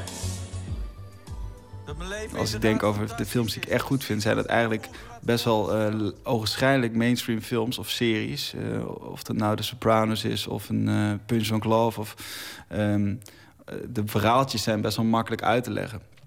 Maar het gaat over veel meer dan die verhaaltjes. Het speelt zich af in een interessante wereld. Maar eh, eh, het, het is juist zo tof omdat het over hele intermenselijke dingen gaat. En klein, klein leed wat iedereen herkent. Ja, ik wil het nog heel even hebben met jou over je, eh, je stilering en je art direction. Want je hebt een, een feilloos oog voor lulligheid... voor een volwassen man op een trampoline bijvoorbeeld. ja, ja, die is te gek, hè? Ehm, ja, nou ja, dat is wat ik, wat ik aan film interessant vind om te, om te maken. In ieder geval dat, ehm, dat script en acteurs en tekst zijn één ding. eh, maar de hele visuele aankleding, dat, dat vertelt minstens zoveel. Eh, cameravoering en... eh, eh, ik ben met Jasper Wolf, mijn cameraman, zijn we ook echt eindeloos bezig om te decoperen, met kleuren bezig. en ook gezamenlijk met art direction en kleding om te kijken, nou, op zoek te gaan naar een palet van, van, van, ja, van iets sprankelends, iets dat werkt, dat, dat je oog erop valt. Ehm, want ik geloof gewoon heel erg in dat, dat, dat mijn films eh, eh, kunnen werken, omdat eh, de art direction en, de, en het spel en de cameravoering allemaal in balans is. Dus alles is net een beetje off, waardoor het allemaal één wordt. Waardoor je de humor pikt, waardoor je de verhaallijnen pikt. Die altijd, die altijd net wat larger than life zijn. Het zijn echte verhalen, maar het is allemaal, ja, het is allemaal niet, niet de echte wereld. Dus dat, dat helpt allemaal. Ehm, nou ja, en- het gaat mij wel echt om het totaalplaatje. Met een poster en met typografie ben ik net zo nauw betrokken weer als, als inderdaad kleuren en zo. Dus ik, eh, het is echt één geheel. Ja. Wat ik het grappige vind van, eh van A Motherfucker... is dat het een hele eh, grappige film is. Eh, heel erg luchtig ook. Maar dat er ondertussen wel allemaal van dit soort maatschappelijke thema's in zitten. Ja, ik denk ook, weet je we hebben het nu de hele tijd dagen over. En dat, dat eh, eh, is absoluut ook wel een drijfveer en motivatie geweest om zo'n film te maken. Maar weet je, de toon die ik grappig vind en die Anne grappig vindt, die, eh, die, eh, dat is gewoon een, soort van comedyfilm, maar wel met, met, met een zeker verhaal erin. En dan hoeft het absoluut niet moralistisch te worden. Maar ja, dan ben je gewoon wel wat bevredigender als je naar een film mag kijken, weet je wel. Dus, maar ja, laten we vooropstellen dat het ook gewoon een hele grappige, niet pretentieuze film is. Tenminste, dat hoop ik.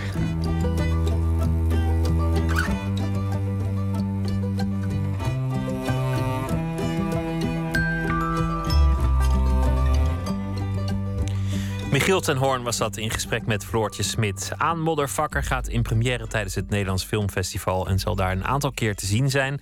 En daarna gaat hij draaien in de meeste Nederlandse bioscopen. Zangeres Marlene Shaw werd geboren in 1942, zong eind jaren 60, begin jaren 70 als vaste zangeres bij Count Basie. Was de eerste vrouw die getekend werd op het Blue Note label in 1972. Maar voordat al die wapenfeiten plaatsvonden, had ze al een solo-carrière en maakte ze ook dit liedje, Nothing But Tears.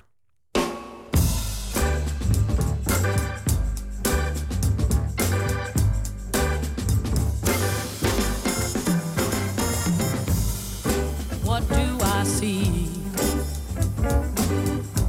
in the future for me? Nothing but tears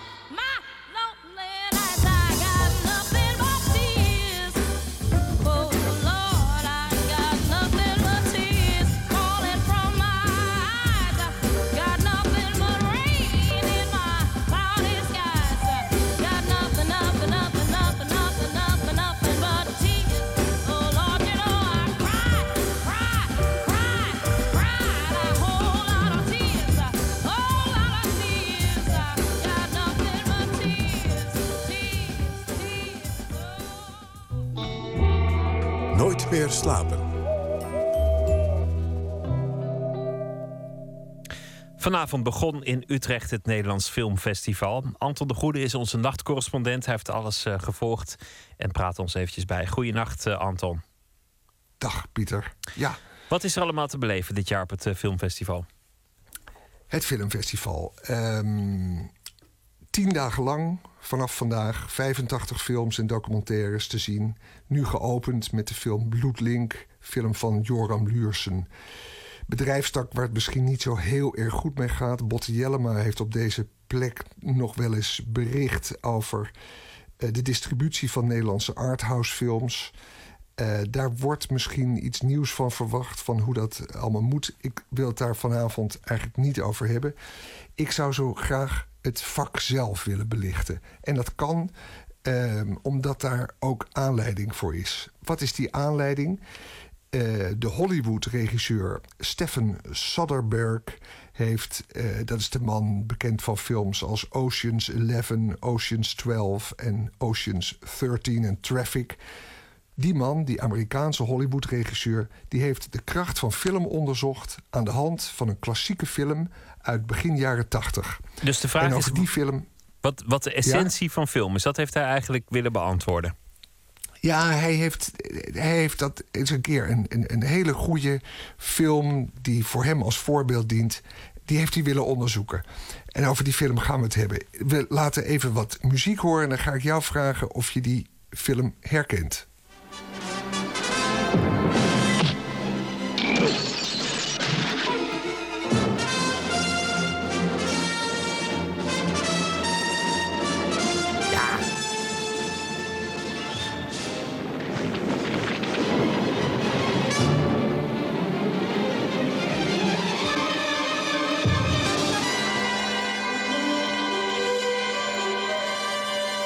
Je- je vraagt het eigenlijk precies aan de goede natuurlijk. Hè? Want ik ben van die generatie. Dit was eh, Indiana Jones.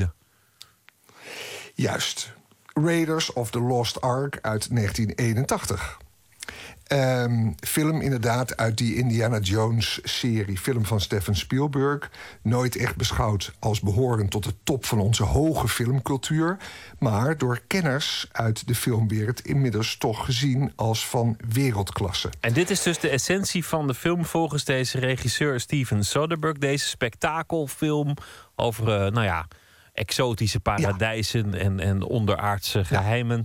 Noem maar op. Hij vindt, die, hij vindt die film fantastisch. En hij heeft iets met die film gedaan. En wat, dat ga ik straks vertellen.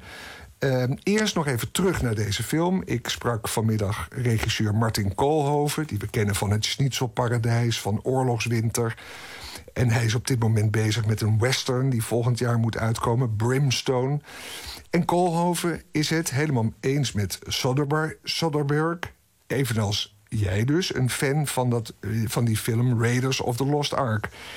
Luister wat Martin Koolhoven uh, vindt van deze, naar zijn idee, grootste film aller tijden. Het is vooral een film die geweldig is door zijn executie. Dus uh, Spielberg weet waar hij het over heeft. Hij is gewoon uh, grote fan van de, van de serials en de avonturenfilms uit de jaren 30 en 40. En dat heeft hij gewoon in een, in een, in een high, high, hoe het, een high budget omgeving.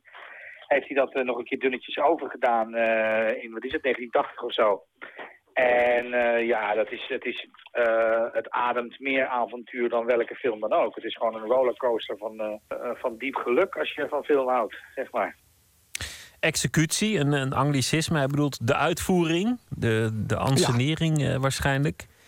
Maar dan ga je ja. dus wel uit van dat de film een avontuur moet zijn. Uh, ja. Maar eigenlijk zegt Martin Koolhoven precies wat voornoem, voornoemde Hollywood-regisseur Stephen Soderbergh heeft proberen aan te tonen. Hoe briljant die film is uitgevoerd.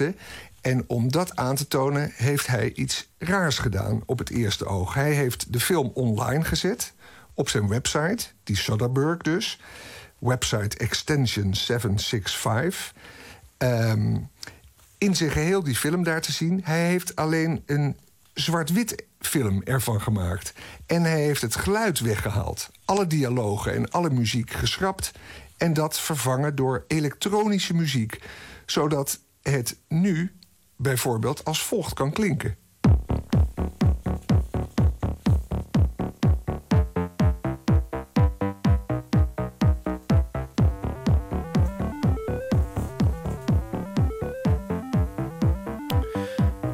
Ja, maar Anton, um, gewoon even om het te begrijpen. Waarom zou je een film die je heel erg goed vindt nemen en dan laten zien op allerlei manieren dat het ook een slechte film had kunnen zijn? Nou ja, wat is de gedachte erachter? Waarom heeft Soderbergh dit gedaan? Martin Koolhoven begrijpt Soderbergh maar al te goed. Wat hij eigenlijk heeft willen aantonen is ja, hoe ontzettend goed die film... Uh, uh, nou, eigenlijk wat ik net zei, wat er goed aan is, precies dat.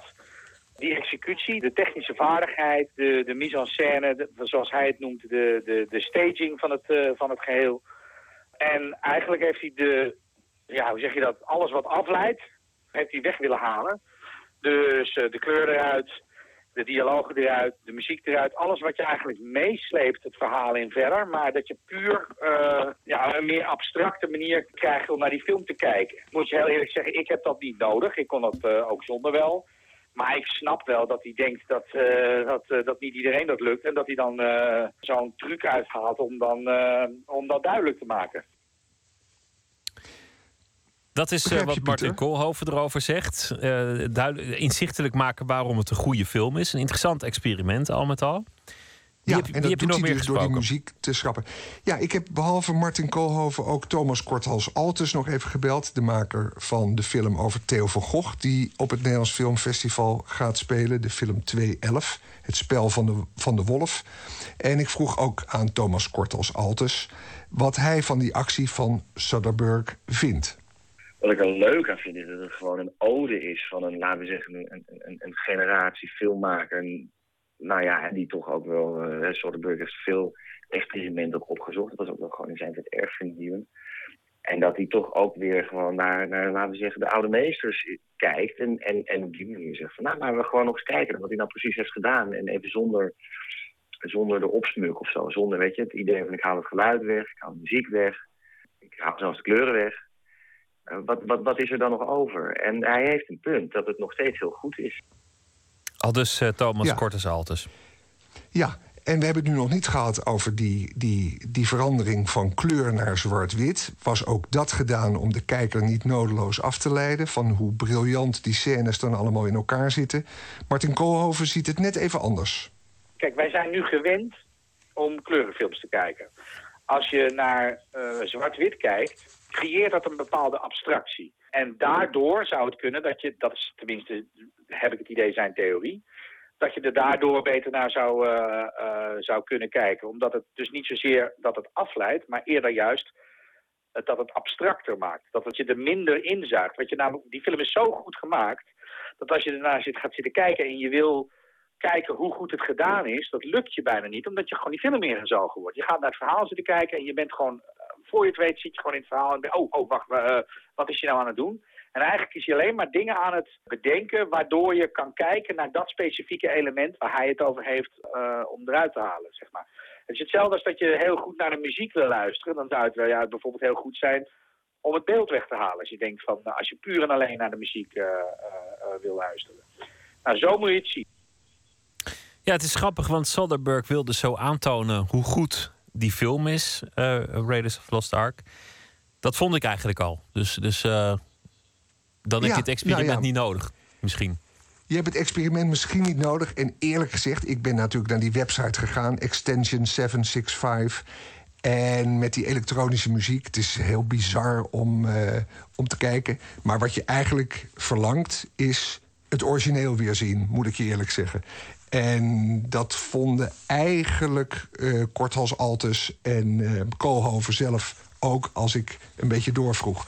Maar het illustreert wel dat het leuk is om over film te praten. Van wat maakt het nou uit uh, dat het zo'n briljante film is? Hoe heeft hij het gedaan?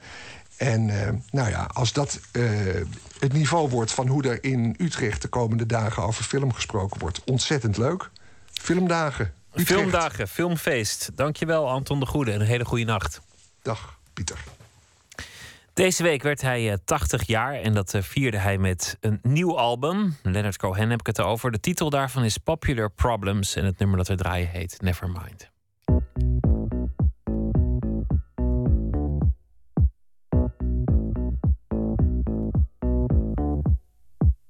The war was lost, the treaty signed, I was not caught across the line. I was not caught, though many tried. I live among you, well disguised. I had to leave my life behind. I dug some graves you'll never find. The stories told with facts and lies. I had a name, but never mind. Never, never mind. Never, never mind. Lost. The treaty, signed. There's truth, that lives and truth that dies. I don't know which, so never mind.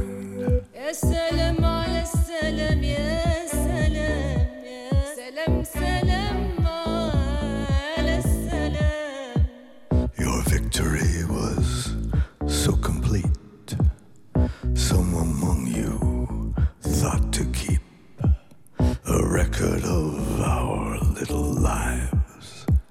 The clothes we wore, our spoons, our knives, the games of luck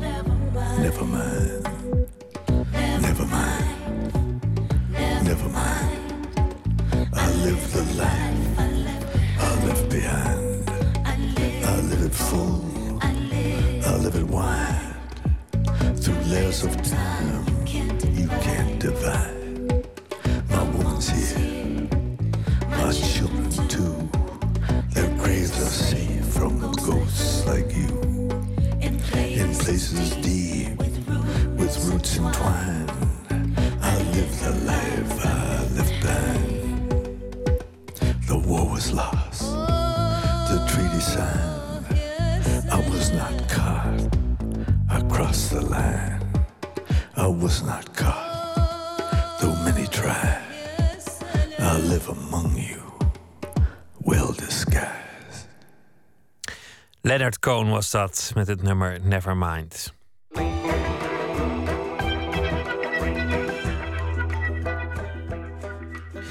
Televisieseries zijn niet meer uitsluitend voor de televisie, al lang niet meer. Eerst was er de DVD-box en sinds een jaar of wat kijken we alles terug via internet. Populair tijdverdrijf, Game of Thrones, Breaking Bad, Mad Men, een heleboel Deense, Engelse en eh, Duitse krimis. Ik had het er net al over in het vorige uur. Maar niet alleen hoe we kijken is door het internet flink veranderd. Ook naar wat we kunnen kijken. Verslaggever Botte Jellema ging er eens voor zitten.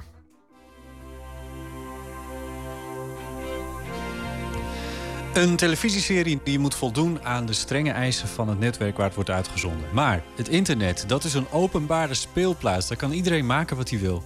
En daar profiteren met name doelgroepseries van. Afgelopen zomer, tijdens een paar verregende augustusavonden, werd mij dat ineens glashelder. 15 jaar geleden, in september 99, zond RTL 5 de Britse serie Queer as Folk uit. Een televisieserie over drie homo's in Manchester. En het is gemaakt door het Britse publieke Channel 4. En 1999 was ook het jaar van mijn coming out. Omdat het internet toen nog niet bijster veel voorstelde, kon ik niet wachten om deze serie te zien.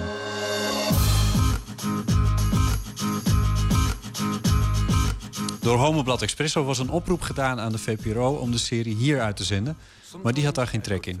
RTL 5 deed het wel. Het werd allemaal alleen maar bijzonderder. En de serie maakte een diepe indruk op mij.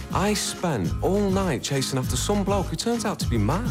Like, really mad. Het ging over mijn soort mensen. Ik heb verder nooit veel televisieseries gekeken. De karakters spraken me niet aan of de verhalen interesseerden me niet. Maar afgelopen zomer kreeg ik een tip van bevriende fotostripmaker Ipe Driessen, ook homo. Ik moest echt visjes zien. And I was going to be a model. You were never going to be a model. No, not with you sucking the life out of me. You know, I aged five years just sharing a taxi with you that night. Is that why you look a thousand? Oh. You're practically melting onto the rug. Ik vond visjes op internet en ik heb het in één ruk uitgekeken.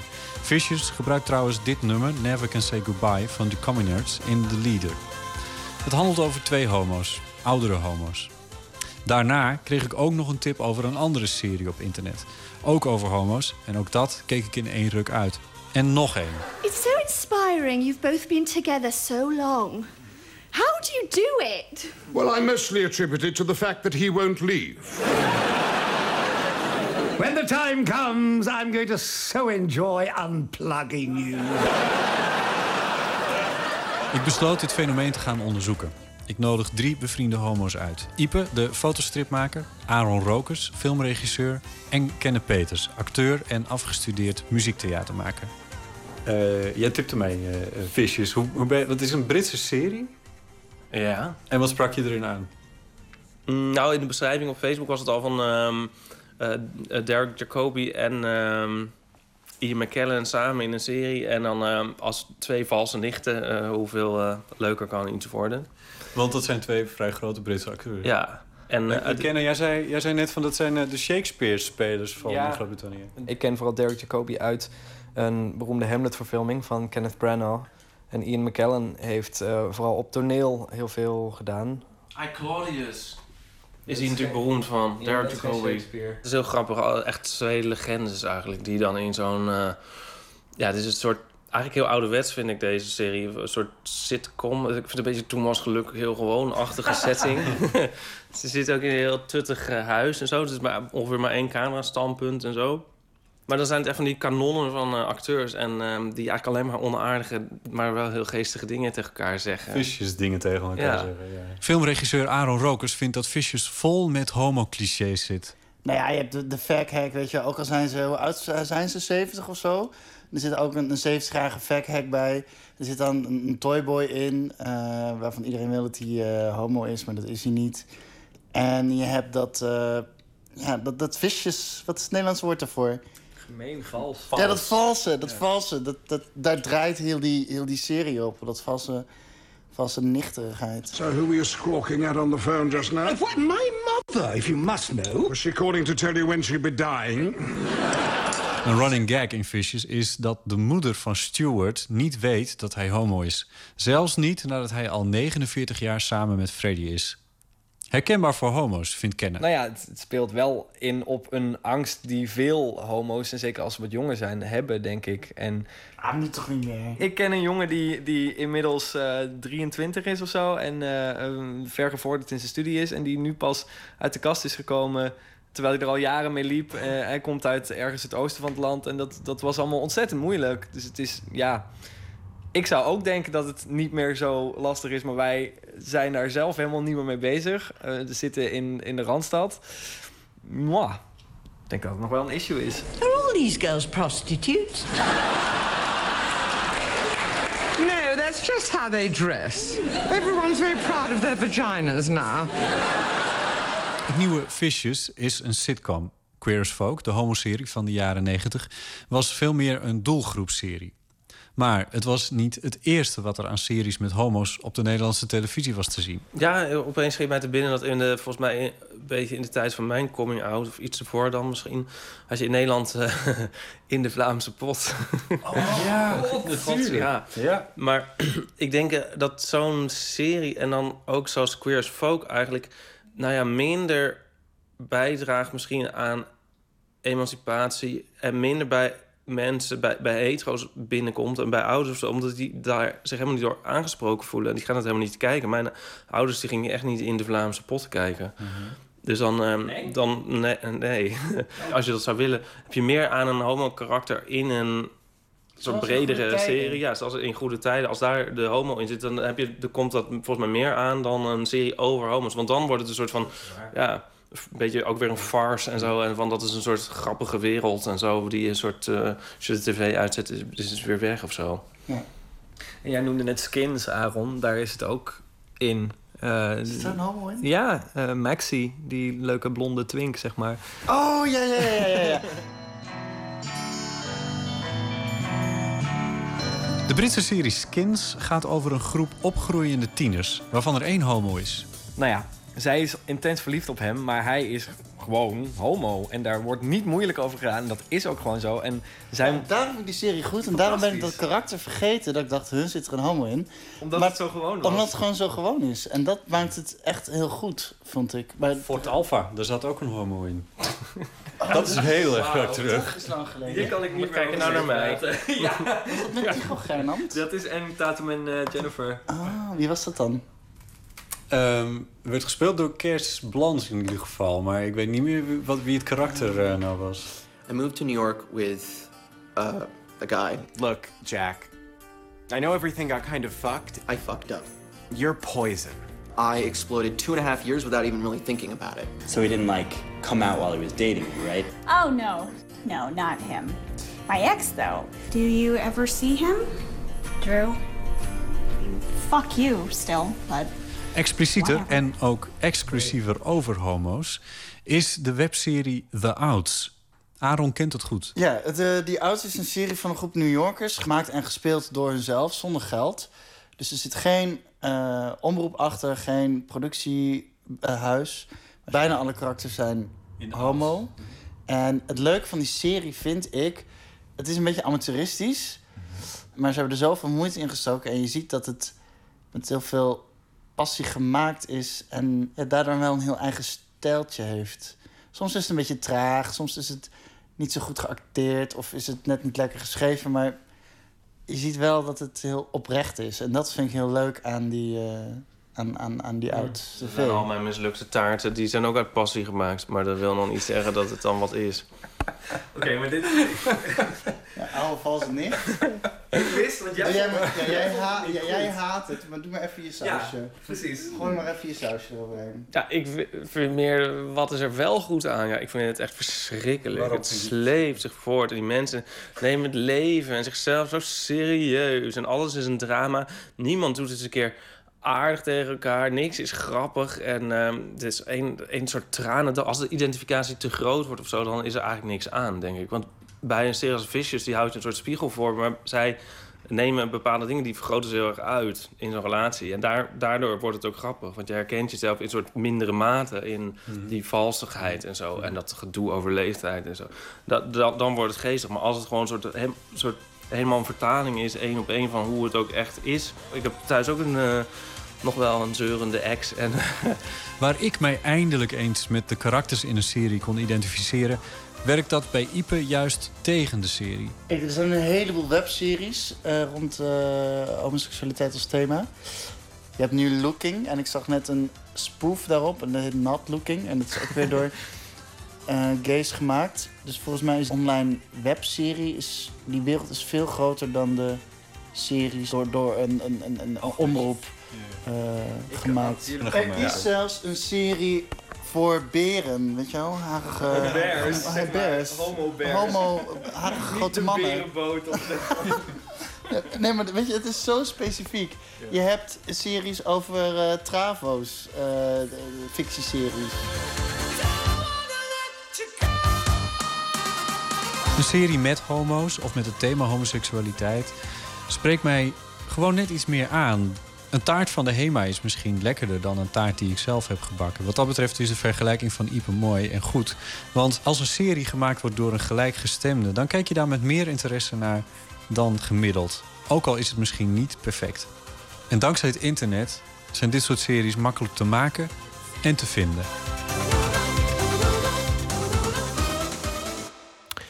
Een bijdrage van Botte Jellema was dat. Uit North Carolina komt het duo His Golden Messenger. Die hebben deze zomer een nieuwe cd eh, gemaakt. Lateness of Dancers heet die plaat. Het eh, nummer dat wij draaien heet ook zo. Lateness of Dancers.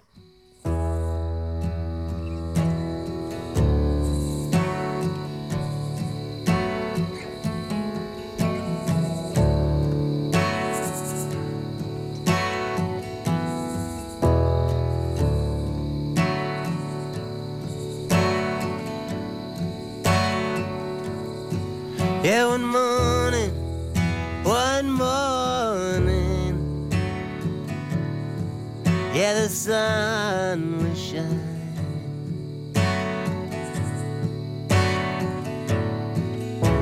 To mark the day I buried my soul.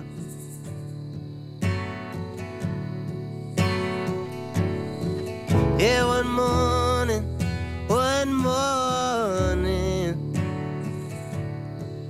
All the world was in motion.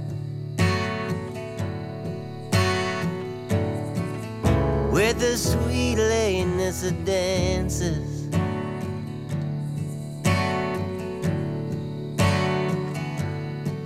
Yes, I'm learning now.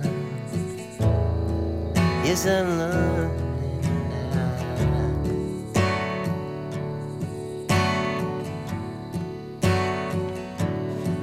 Yeah, one morning, one morning, all like a beggar I went roving. With no clear sense of direction.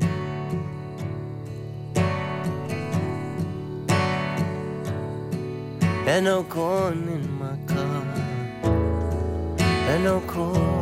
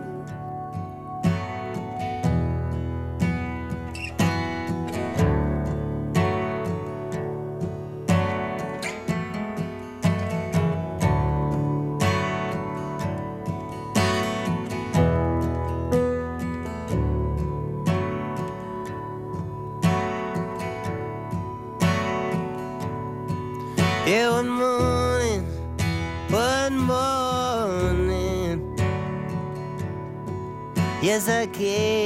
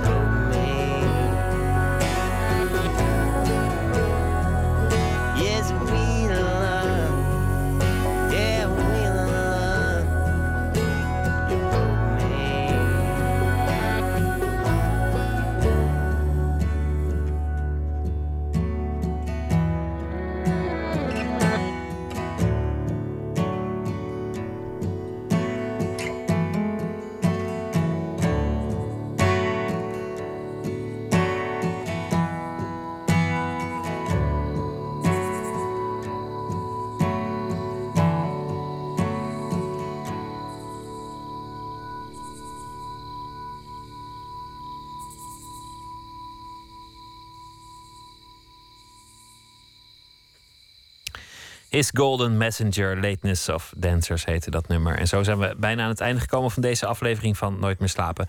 Morgen in Nooit meer slapen komt de oud-bokser Lucia Rijker langs... naar aanleiding van een documentaire Bittersweet... die eh, deze week draait op het Nederlands Filmfestival.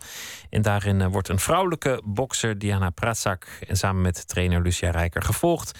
tijdens de voorbereiding van een gevecht om de wereldtitel in Stockholm. We gaan het hebben over eh, boksen en over het leven en over... eh, heel veel andere dingen morgen in Nooit meer slapen. Twitter, VPRO NMS of via de mail nooitmeerslapen.vpro.nl. Francisco van Jolen, zometeen eh, de nacht van Jolen. Waar, eh, waar gaat het over? Hebben, ik heb de gast eh, Sinan Kan. Dat is een eh, documentairemaker. Hij heeft een aantal dingen gedaan, maakte die eh, veel stof hebben doen opwaaien, zoals dat dan heet. Ehm, de Heilige Ayaan bijvoorbeeld heeft hij aan meegewerkt. Dat is de oh, Zebla-aflevering die leidde tot de val van het kabinet... en het vertrek van Ayaan Hirsi Ali uit Nederland. Waarin ze terloops toen opbiecht over haar vluchtverhaal. Ja. Dat was het. Ja. Ja. Ehm, de gijzeling in Almelo. Die man, de, ik weet niet of je die zaak nog kan herinneren... die eh, de, zijn restaurant in de fik stak... en vervolgens de wethouder eh, gijzelde vijf uur lang. Oh ja, Zeer roemrucht. En eh, toen ging hij aantonen dat er... of duidelijk maken dat er nog ja, een heel verhaal achter zat... wat niemand kende.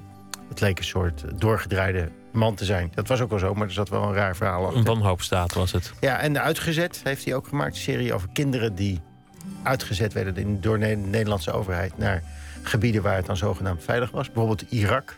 Dat gebeurde nog tot eh, vrij kort. Nou, het is een beetje cynisch misschien dat er nu dan toch weer militairen heen gestuurd worden... om dat eh, vreselijk veilige gebied nog veiliger te maken, zou je kunnen zeggen. En ehm, hij is bezig met een speciaal project over Turkije. En de, zeg maar de relatie tussen de Turken en de Armenen. En dat is nogal gevoelig. Hij is zelf van Turkse afkomst. Kortom, eh, veel te bespreken over... eh, Ja, we gaan het ook hebben over het soefisme. Oh ja. Weet je wat dat is? Het soefisme, ja. Dat, de, Ik ja, heb geen kan- idee, dus ja, ik kan, vertellen. kan, nu weet weet het ongeluk, ik heb het ooit geweten. En eh, ben het weer vergeten. Maar dat hoor ik dan eh, zo meteen in eh, de Nacht van Joden. Francisco, veel eh, plezier. Nooit meer slapen is er morgen weer. Ik wens jullie eh, allemaal een hele goede nacht en morgen een leuke dag. En eh, graag weer tot morgen.